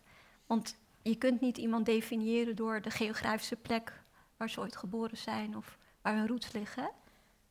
Mm -hmm. En ja. uh, ik denk daarom, want anders zou ik ook in een algoritme blijven van zorgen, zwijgen en werken gewoon voor de rekeningen en een beetje gezelligheid. Ja. ja. Want dat is wel wat mijn moeder of alle moeders in mijn kleine wereld anders, anders deden. Ja. Mm -hmm. Ja, dat mag. Er, er, komt iemand naar je toe met een mm -hmm. microfoon. Wil je even je naam zeggen? Ja? Eh, Liliane, je gaat daarbij wel uit van het feit dat je eigenlijk eh, de totale overdracht eh, neemt die jouw moeder jou voorspiegelt. Maar het is ook heel wel denkbaar, dat heb ik bijvoorbeeld vanzelf gedaan, om te reageren op haar leven en op het verhaal, op dat ene verhaal. Dus ik heb als kind gewoon een nieuw verhaal geschreven als reactie op haar verhaal. Mhm. Dat gebeurt dus ook heel vaak. Ja, maar als je verschillende moeders in je leven hebt, of voormoeders, of... Nou, ik denk dat we precies hetzelfde proberen te zeggen, alleen ik had meer opties. Dus ik had die oma en ik had mijn moeder en dat hele vangnet. Mhm. En daar verhoud ik me toe, omdat ik niet... Ik, ik ben een soort van lappendeken van identiteiten. En dat heeft met de migratiegeschiedenis te maken, maar ook dat als je migreert, dat je andere keuzes maakt dan je moeder, puur vanwege taal, vanwege geletterdheid. Dus je, ik, ik, was, ik raasde mijn moeder al op mijn vijfde voorbij. Snap je? Dus, dus als, ik, als ik kijk naar... eh, Mijn moeder was een moeder, hè, een oermoeder.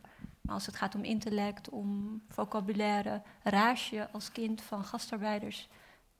zodra je dus geletterd bent... zodra je eigenlijk klaar bent met zeg, de kleuterschool... en, en de eerste jaren van je basisschool... je ouders al voorbij. En hoe zorg je ervoor dat je... ehm, zeker als volwassene met respect naar die generatie blijft kijken. Want als kind vond ik mijn moeder een beetje dommig.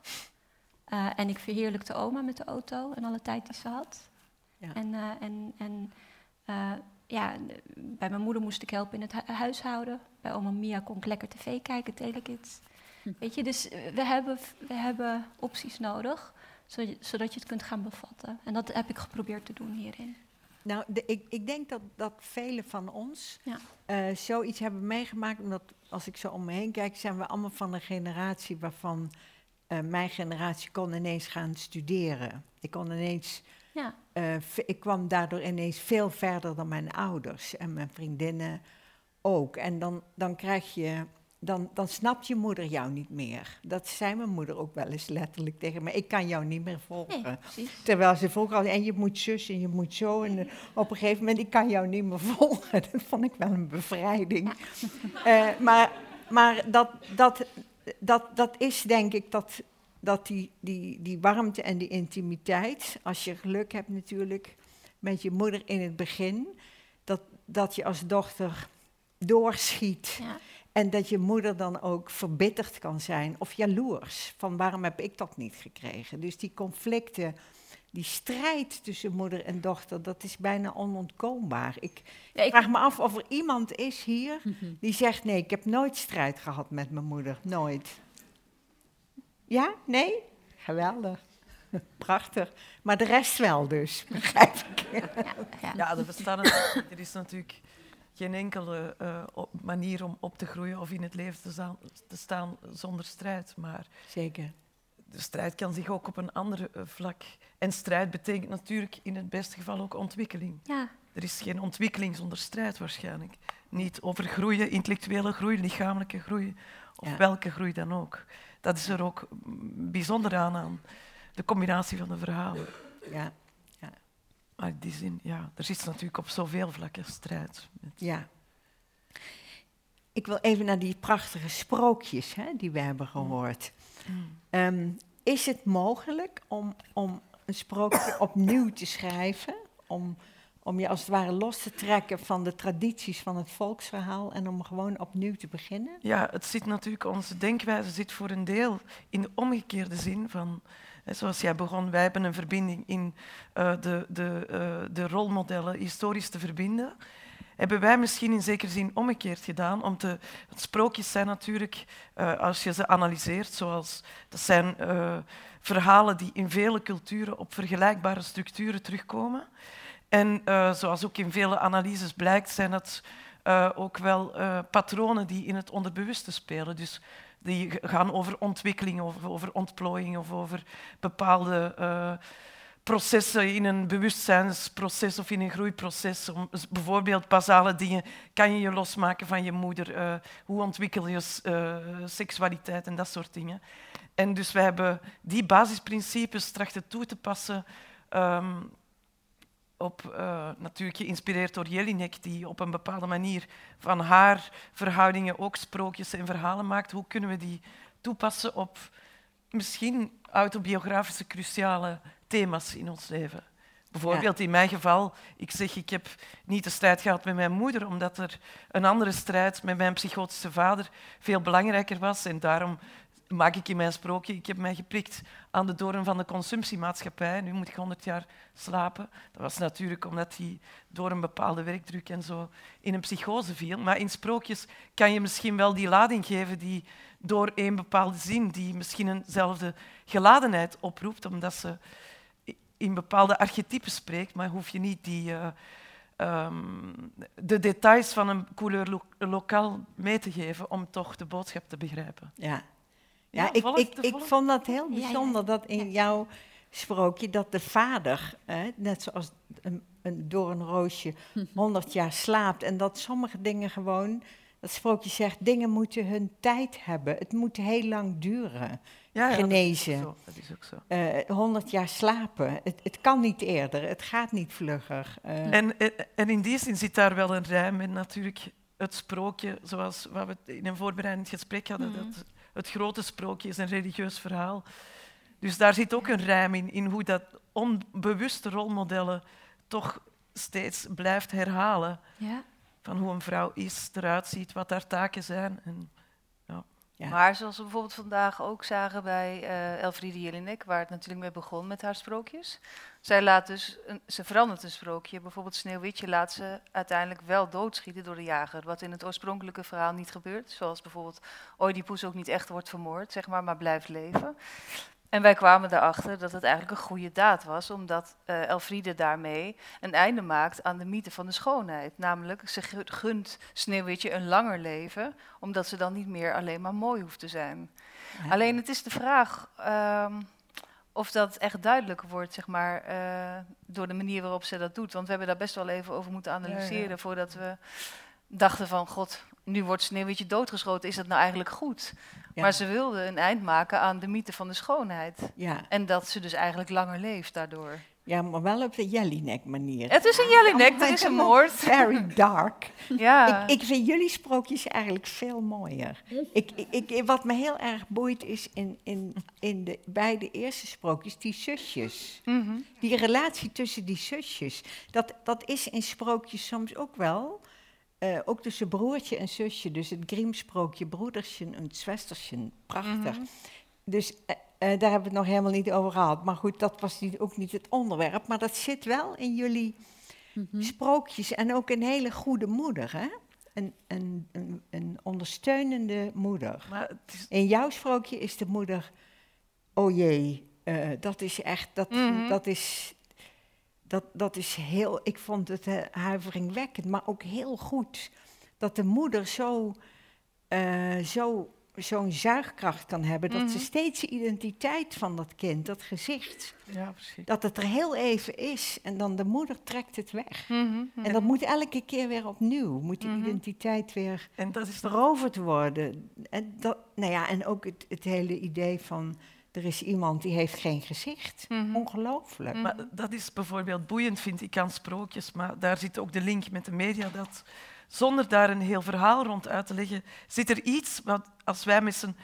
Iedereen heeft dus de kans, die hier zit, te luisteren, om zich een heel misschien particulier, persoonlijk of cultureel beeld te vormen door zo'n simpele formulering van een meisje zonder gezicht.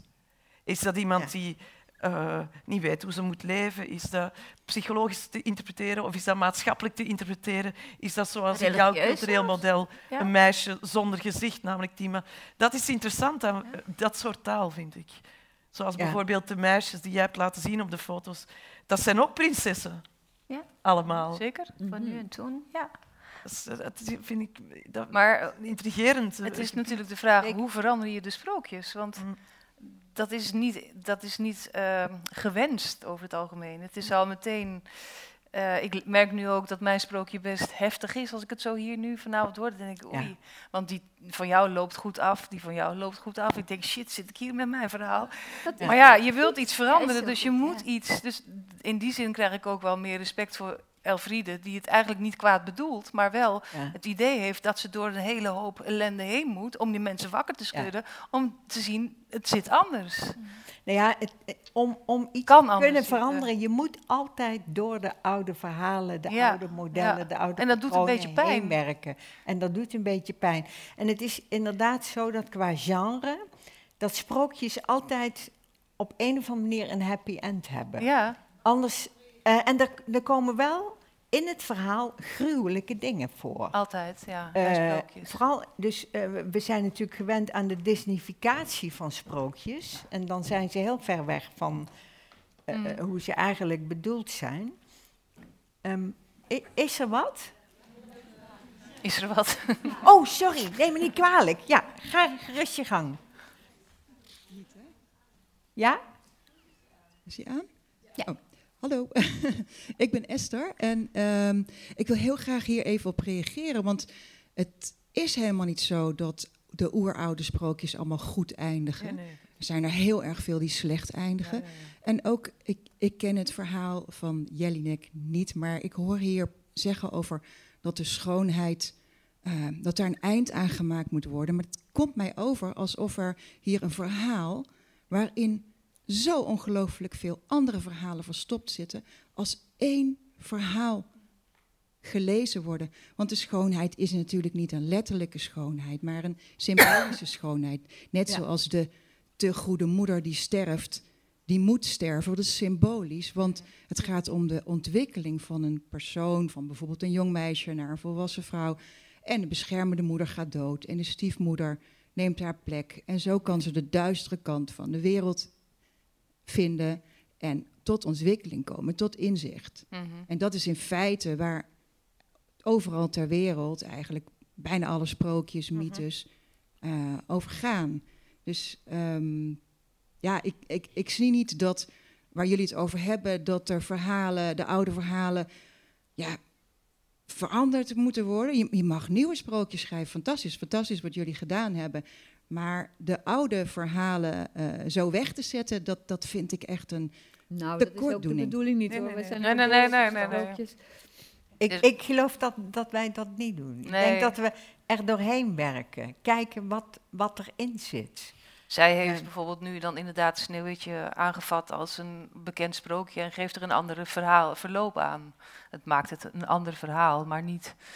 En dat is vanuit haar feministische oogpunt dat eh, vrouwen niet meer zouden bestaan als ze niet meer mooi zouden zijn of na de menopauze. Of een soort vanuit dat idee heeft zij dat gedaan eh, in, nou wat was het? Mm. Ja, Ja. dat zit in een reeks De Dood in het Meisje. En daar zit bijvoorbeeld ook een sprookje in over Jackie Kennedy en over Lady Di. Dus het is ook wel in die zin. Het is bij haar altijd... En daarin vind ik de link met die mediafiguur wel interessant. Dus zij provoceert... Zij bekijkt het niet in, die, die, eh, ehm, in de symbolische orde, maar ze duwt het tot op een punt. Zou het politiek kunnen zijn? Indien ja, dat het politiek is, hoe zouden we het dan kunnen laten aflopen? Het is meer dat soort poging tot redeneren. En er zit natuurlijk geen waarheid in, het zijn provocaties. Ja. Ik hoop, ah ja. Ik, ik denk wel dat, dat je gelijk hebt, tenminste ik ben geneigd om dat te onderschrijven, dat het meisje was heel mooi in een sprookje, dat dat niet zoveel heeft te maken met de moderne schoonheidsmythes nee, nee, nee. en de schoonheidsmanie. Dat, dat is een heel andere kwestie. En het heeft inderdaad een, s- een symbolische betekenis. Du- dus die schoonheid, dat ben ik met je eens, ja. Maar dat gebied provoceert zij wel. In welke mate dat eh, het meisje van Dior ons sneeuwwitje is, bij wijze van spreken. En kunnen we die dan doodschieten, of mag dat niet? ja, het is niet een sarcastische grap die zij probeert. Oké, meer vragen. Hier hebben we een Ja. opmerking. Hoi, eh, ja, ik wilde daar nog ook een beetje op reageren. Want ja, het is aan de ene kant eh, kan je het symbolisch zien en is dat een idee. eh, maar het heeft natuurlijk tegelijkertijd hele eh, reële eh, gevolgen op de maatschappij. Dat de meisjes altijd mooi zijn in de sprookjes. En dat, het, eh, en, en dat hebben jullie denk ik ook mooi ja, soort van uit elkaar getrokken. En dat brengt me een beetje op de vraag of een soort van opmerking op dat eerste sprookje, omdat het toen eigenlijk op, erop of eronder was, maar het Mhm. waren niet echt gegenderd figuren. Ehm, en, maar, en het kwam, op het moment dat je erop en eronder moest ik ook denken aan, eh, in die zin, de manier waarop. eh, eh, wat ik zo mooi vind daaraan is dat je een soort van laat zien dat gender, dat die- genderconstructie daarvan. Dus de ene die, die is erop en de ander wordt eronder genoemd. Op dezelfde manier als we jongens en meisjes noemen en daar hele andere eh, ehm, rollen aan geven. Mhm. En in die zin vind ik dat, is dat een heel mooi project om ehm, te gaan kijken naar hoe gender geconstrueerd wordt natuurlijk in die sprookjes. Mhm. Maar een vraag daarbij is dat, doen jullie dat ook met, met het idee dat er wellicht meer ruimte is voor, eh, eh, eh, voor trans of voor non-binaire eh, identiteiten op het moment dat je dus weggaat van het lichamelijke, waar, waar Mike het heel erg over had, die lichamelijke band van een biologische, eh, van, van, een, van een geslacht naar een genderidentiteit en sprookjes. Ik denk het wel. Ja. Ja, zeker. Het, is natuurlijk ook zo dat het niet ook eh, specifiek alleen maar voor vrouwen is. Zeker niet. Ehm, elk sprookje in, in de klassieke zin eh, behelst eigenlijk eh, voor ieder figuur iets, een, een soort stadium die gaat over degene die het leest. Dus je bent zowel de koning als de koningin, als repelsteeltje, als, en de, de kroon staat voor inzicht, et cetera. En wat wij hier geprobeerd hebben is om de splitsing eh, ten opzichte van de moeder te maken. Want je kunt eh, bij een narcistische moeder, en dat, gaat dan, dat zit in, in onze voorstelling, omdat de moeder van Jelinek heel erg veel eisend was. En haar tot allerlei eh, gruwelijke muzikale martelingen heeft geleid in de jeugd, omdat ze altijd maar piano moest spelen en zo. En dat later heeft ze dat, dat maniacale muziek maken ver, ver, ver, ver- verwisseld in maniacaal schrijven. Eh, en dat is haar eigen oplossing geweest. Maar die moeder heeft daar een hele belangrijke rol in gespeeld. En met eh, dat soort moederbeelden heb je als eh, kind, en ik denk dat dat niet veel uitmaakt of dat een meisje of een jongen is, maar in dit geval, omdat het over Elfriede gaat, gaat het dan heel erg over de moeder en het meisje. Je kunt dan als kind een model hebben waarbij je eronder gaat. Dat wil dus zeggen dat je een zelfbeeld krijgt waarin je denkt, ik ben eigenlijk niks waard.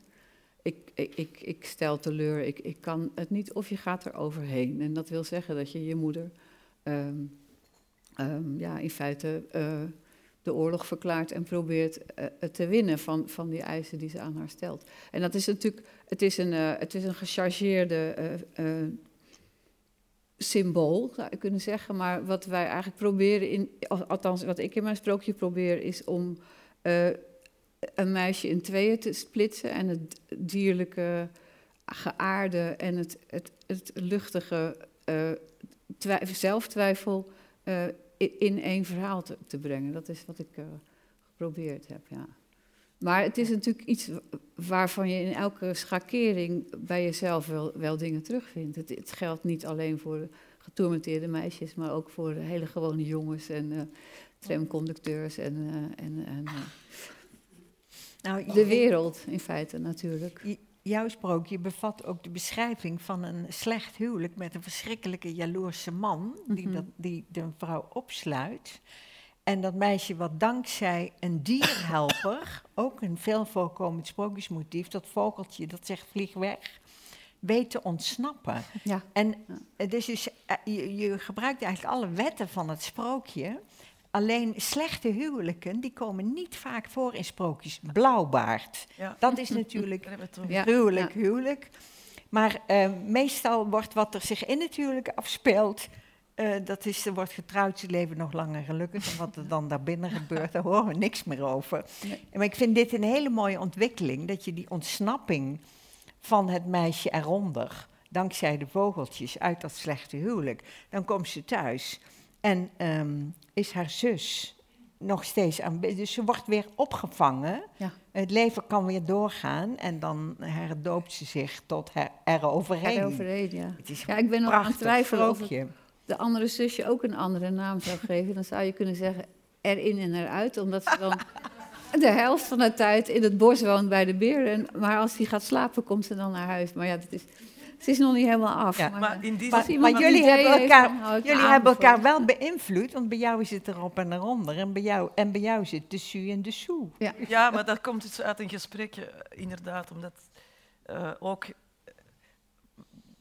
dat gebeurt eh, vaak in, in gezinnen waar er bijvoorbeeld een traumatische situatie is, dat de kinderen, dat een van de kinderen, bij wijze van spreken, daaronder gaat zitten om te overleven en de andere erover gaat om te overleven. Ah, absoluut. En vandaar komt ons idee erop en eronder en de soe en de su als overlevingsstrategie eh, met, eh, met een trauma. Maar Ja. bijvoorbeeld wat ik interessant vind aan de koppeling met Demeter Persephone en nu uw opmerking over dat er niet meer wordt gesproken wat er in het huwelijk gebeurt. Ik denk dat de meeste sprookjes, en of ze cultureel zijn als, als, of persoonlijk eh, symbolisch, dat het vaak beeldingsverhalen zijn. Dus Zeker. het gaat over een construeren, het- de, de weg naar, een, naar het groeien, naar een nieuwe identiteit. Ja. En misschien is de vereniging dan in het huwelijk, dan is dat in zekere zin een bepaalde fase van de bildung heeft zich voltrokken. ja. En ik denk Ja. dat dat ook opgaat voor Ja. vele thema's in de... Ja, zeker. Mm. Ja. Ik denk het wel. Ik, ik, ik bedoel, wat ik aanraak, proberen, durven de meeste mensen niet aan te raken. Mhm. Omdat het eh, sinds ja, een paar decennia brandbaar is geworden. Maar ik denk dat het juist... Wat, wat bedoel je dan precies? Nou ja, eh, als je het dus hebt over de archetypen, zeg, als je het hebt over Khadija en Mohammed, Ja, niemand durft dat aan te raken. ja. Dus op het moment dat je in 2020 zegt, weet je, hè, als ik het zo zie met de moderne, de arch- architectuur van taal van nu, ja, dan is ze eigenlijk een mogul. Dan is, Mhm. is, Ik, is- ik vind het een prachtig Ja. verhaal. Het enige wat Ja. ik weet over de vrouw van Mohammed is dat ze 13 jaar was. En dat het een schande was dat Mohammed er met zo'n jong meisje Ja. doorging. Eén, het ene er verhaal dat je wellicht hebt gehoord, maar wat, Ja. wat je niet hebt gehoord, was die vrouw waar hij 25 jaar lang monogaam mee Ja. was en die hem gemaakt heeft. Ongelooflijk, hè? En die de eerste moslim was. En die, als zij er niet was, was die religie er niet geweest. Heel veel mensen durven dat niet aan te raken. En ik denk dat het, we leven in een tijd waarin, eh, ik denk ook door Hollywoodism, zo noem ik Mhm. het. Het is ook een isme geworden. Hè, die 800 verhalen die per jaar eh, de hele wereld beïnvloeden. Ehm, dat vertelt ook maar één verhaal. En, en ik heb het idee dat de wereld zo complex is dat we heel veel complexe verhalen nodig hebben. Dus ook over zulke grote archetypes. Ehm, en ik denk, ik vind dat gewoon heel erg heel, heel leuk en spannend, omdat je kunt het beeld kantelen. Dus het is niet dat je het verandert, je kantelt alleen het beeld een beetje. Ja. Mm. Nou, En- niet een beetje, flink. Ja, maar voor mij is het een beetje. Ik zou het nog wel meer, meer willen kantelen.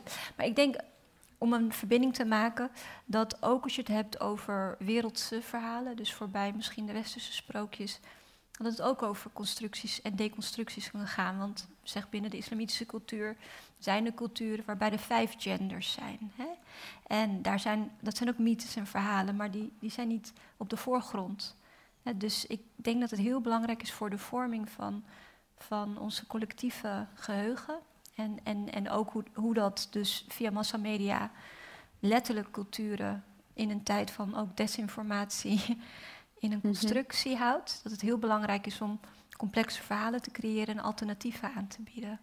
En hier kan dat. Dus vandaar dat ik het hier doe en dan Mm. naar buiten breng. Maar dat is wel nodig, want we leven wel in een tijd van misinformatie. En als je het hebt over ehm, eh, ja, waarheden vertellen, dan kan het verpakken in verhalen, in theater, in sprookjes, juist een manier zijn om taboes te kunnen doorbreken. Dus ik vind het ook een dappere vorm, omdat de politieke arena's en vaak de dominante media-arena's juist die stereotypen in stand houden.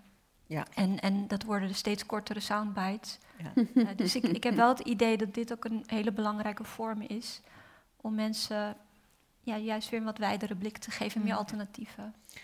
Nou, En hoe jouw- complexer, jouw hoe verhaal, beter. Jouw verhaal over Khadija, dat verge- vergeten we nooit meer, hè? Eh, ik heb nog twee vragen. Volgens mij, zij was Eh, eerst. u? mij. Ja, Ja? Dan ja. is de tijd. En dan is het zo meteen tijd om op te houden, maar nog, nog net niet helemaal. Ik hou even voor u vast. Ik hou voor u vast. Eh, dat is lastig.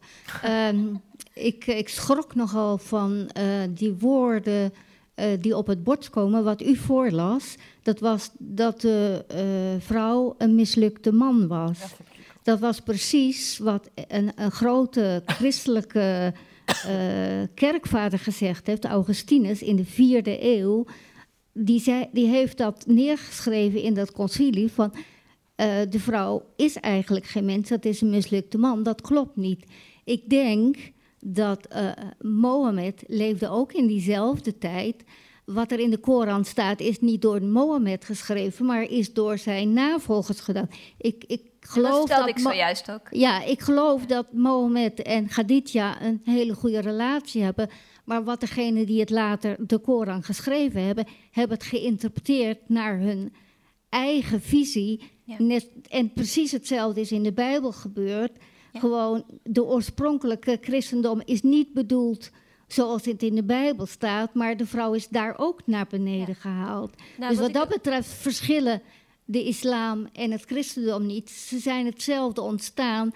En ik schrok dus heel erg dat er blijkbaar nu nog een vrouw was, of eh, die schrijft van eh, de vrouw wordt beschouwd als Ja. een mislukte man. Maar, maar, In deze maatschappij nee, nog, maar nu. wacht, wacht even, je, je moet het even goed begrijpen. De, de dichteres die dit maakt, die is woedend over de manier waarop veel mannen aankijken tegen vrouwen.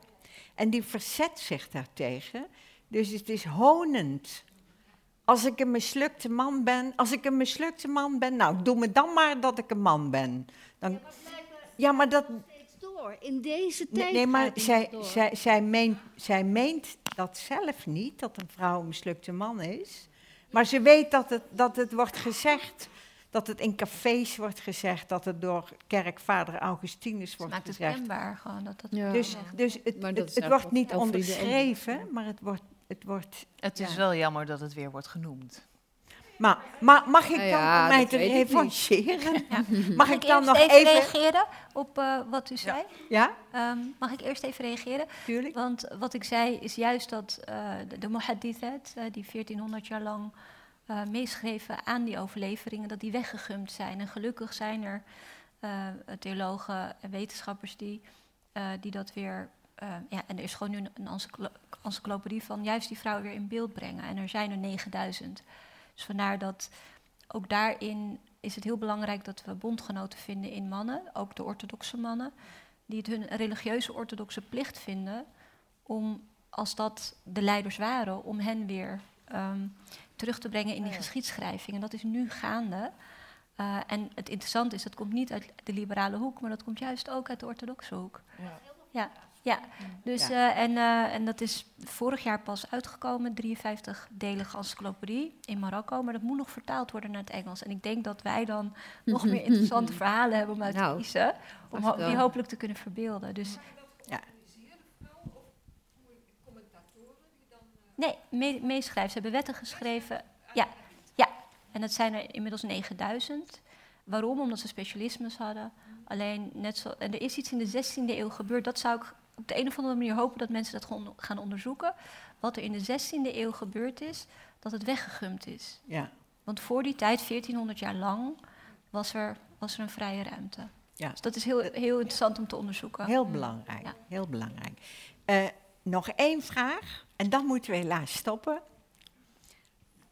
Ja, het is geen vraag, maar het is iets wat ik heel erg graag even wil melden op deze avond. Ik, ik wil haar naam noemen, de keizerin van de analyse van de sprookjes. Ja, Marie Dan weten jullie wel wie ik bedoel. Clarissa Clarissa Estes, Ja, Oh, ja. ja. Mexicaanse Estes. psychiater. Oké. En haar boek Women Who Run With The Wolves Ja. Oh ja. heeft ja, ja. een hele, hele diepe indruk op mij gemaakt. Het Ja? is vlijmscherp en het gaat heel diep. ja. En het is een één groot pleidooi voor vrouwen. Trek alleen het bos in. Zo zou ik haar werk willen samenvatten. Heel mooi, dankjewel. Nou, ik, ik, ehm, ik, ik denk, eh, ik word bestormd door gedachten. De eerste gedachte is, wat we nu gaan doen is een workshop organiseren waarbij iedereen een sprookje gaat schrijven. Dat lijkt me heel prachtig om te doen. Zo'n dikke boek. Eh, eh, want dat is toch heel mooi zielswerk wat daar gebeurt. Ehm, ik bedank jullie heel hartelijk voor jullie aandacht. Ik vond het een heel interessante avond. Ehm, dit was dus eigenlijk een voorbereiding op die prachtige voorstelling die je in, in de Frascati kunt zien. Vanaf 19 februari. Twee weken in Amsterdam en dan reist hij nog rond. Eh, ik bedank iedereen. Raadja, Ja, de actrices, spelen, waarschijnlijk? Nicole, voor een mooie avond. En Maaike.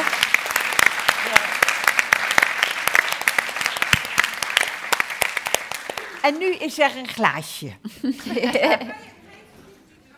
Ja, je gedicht. Mag, ik, mag ik het gedicht nog voorlezen? Ja, tuurlijk. Oké, als het nog mag. Als ze buiten Oké. Gaat het aan. En we kunnen nog, mag ik ook nog, eh, er is nog iets klein, nog een klein, zij gaat nog een gedicht lezen en dan is er, eh, eh, dat is iets wat tijdens de Oscar-uitreiking eh, viel mij, schoot mij te binnen dat wij in België ooit één Oscar hebben gekregen, namelijk voor een animatiefilm die in eh 86 is gemaakt door Oh ja. een Antwerpse eh, eh, animatiefilmmaakster, Nicole van Goetem. Dat was toen in de, in de volle vrouwenbeweging een heel feministisch tekenfilmpje van vijf minuutjes over drie kariatiden die eh, hun taak willen, die, willen, die niet meer die, die, die oude stenen omhoog willen houden. Maar dus bij het uitlopen zullen wij eh, dat filmpje, staat op YouTube bij wijze van toegift draaien en wie liever onmiddellijk gaat drinken is ook oké en wie Ja. eerst een glaasje halen en terugkomen, voilà. Ja. Di- dit is dus het gedicht waarmee Alma de correspondentie met haar moeder Marita beëindigt.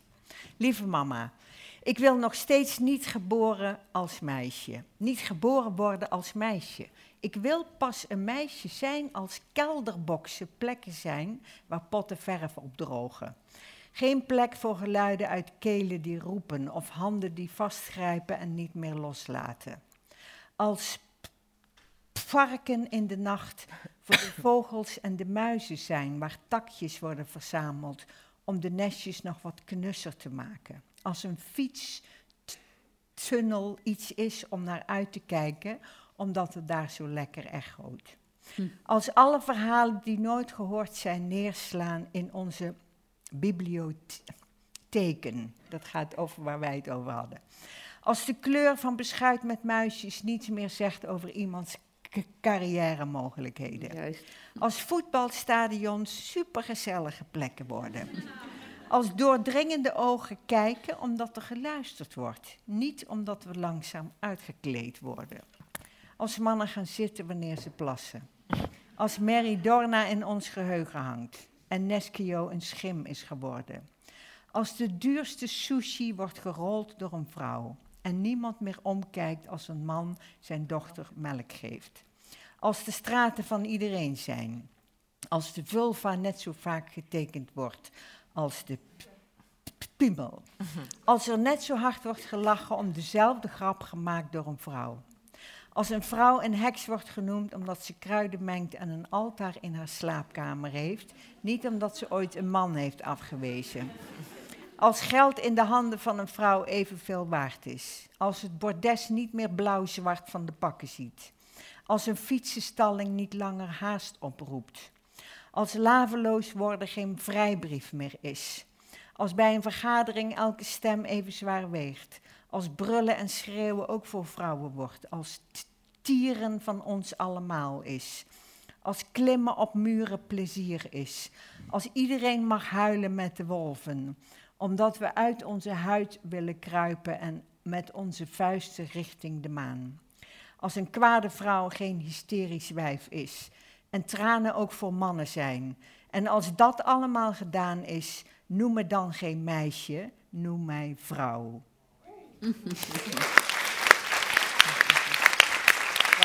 Dank u wel. Oké.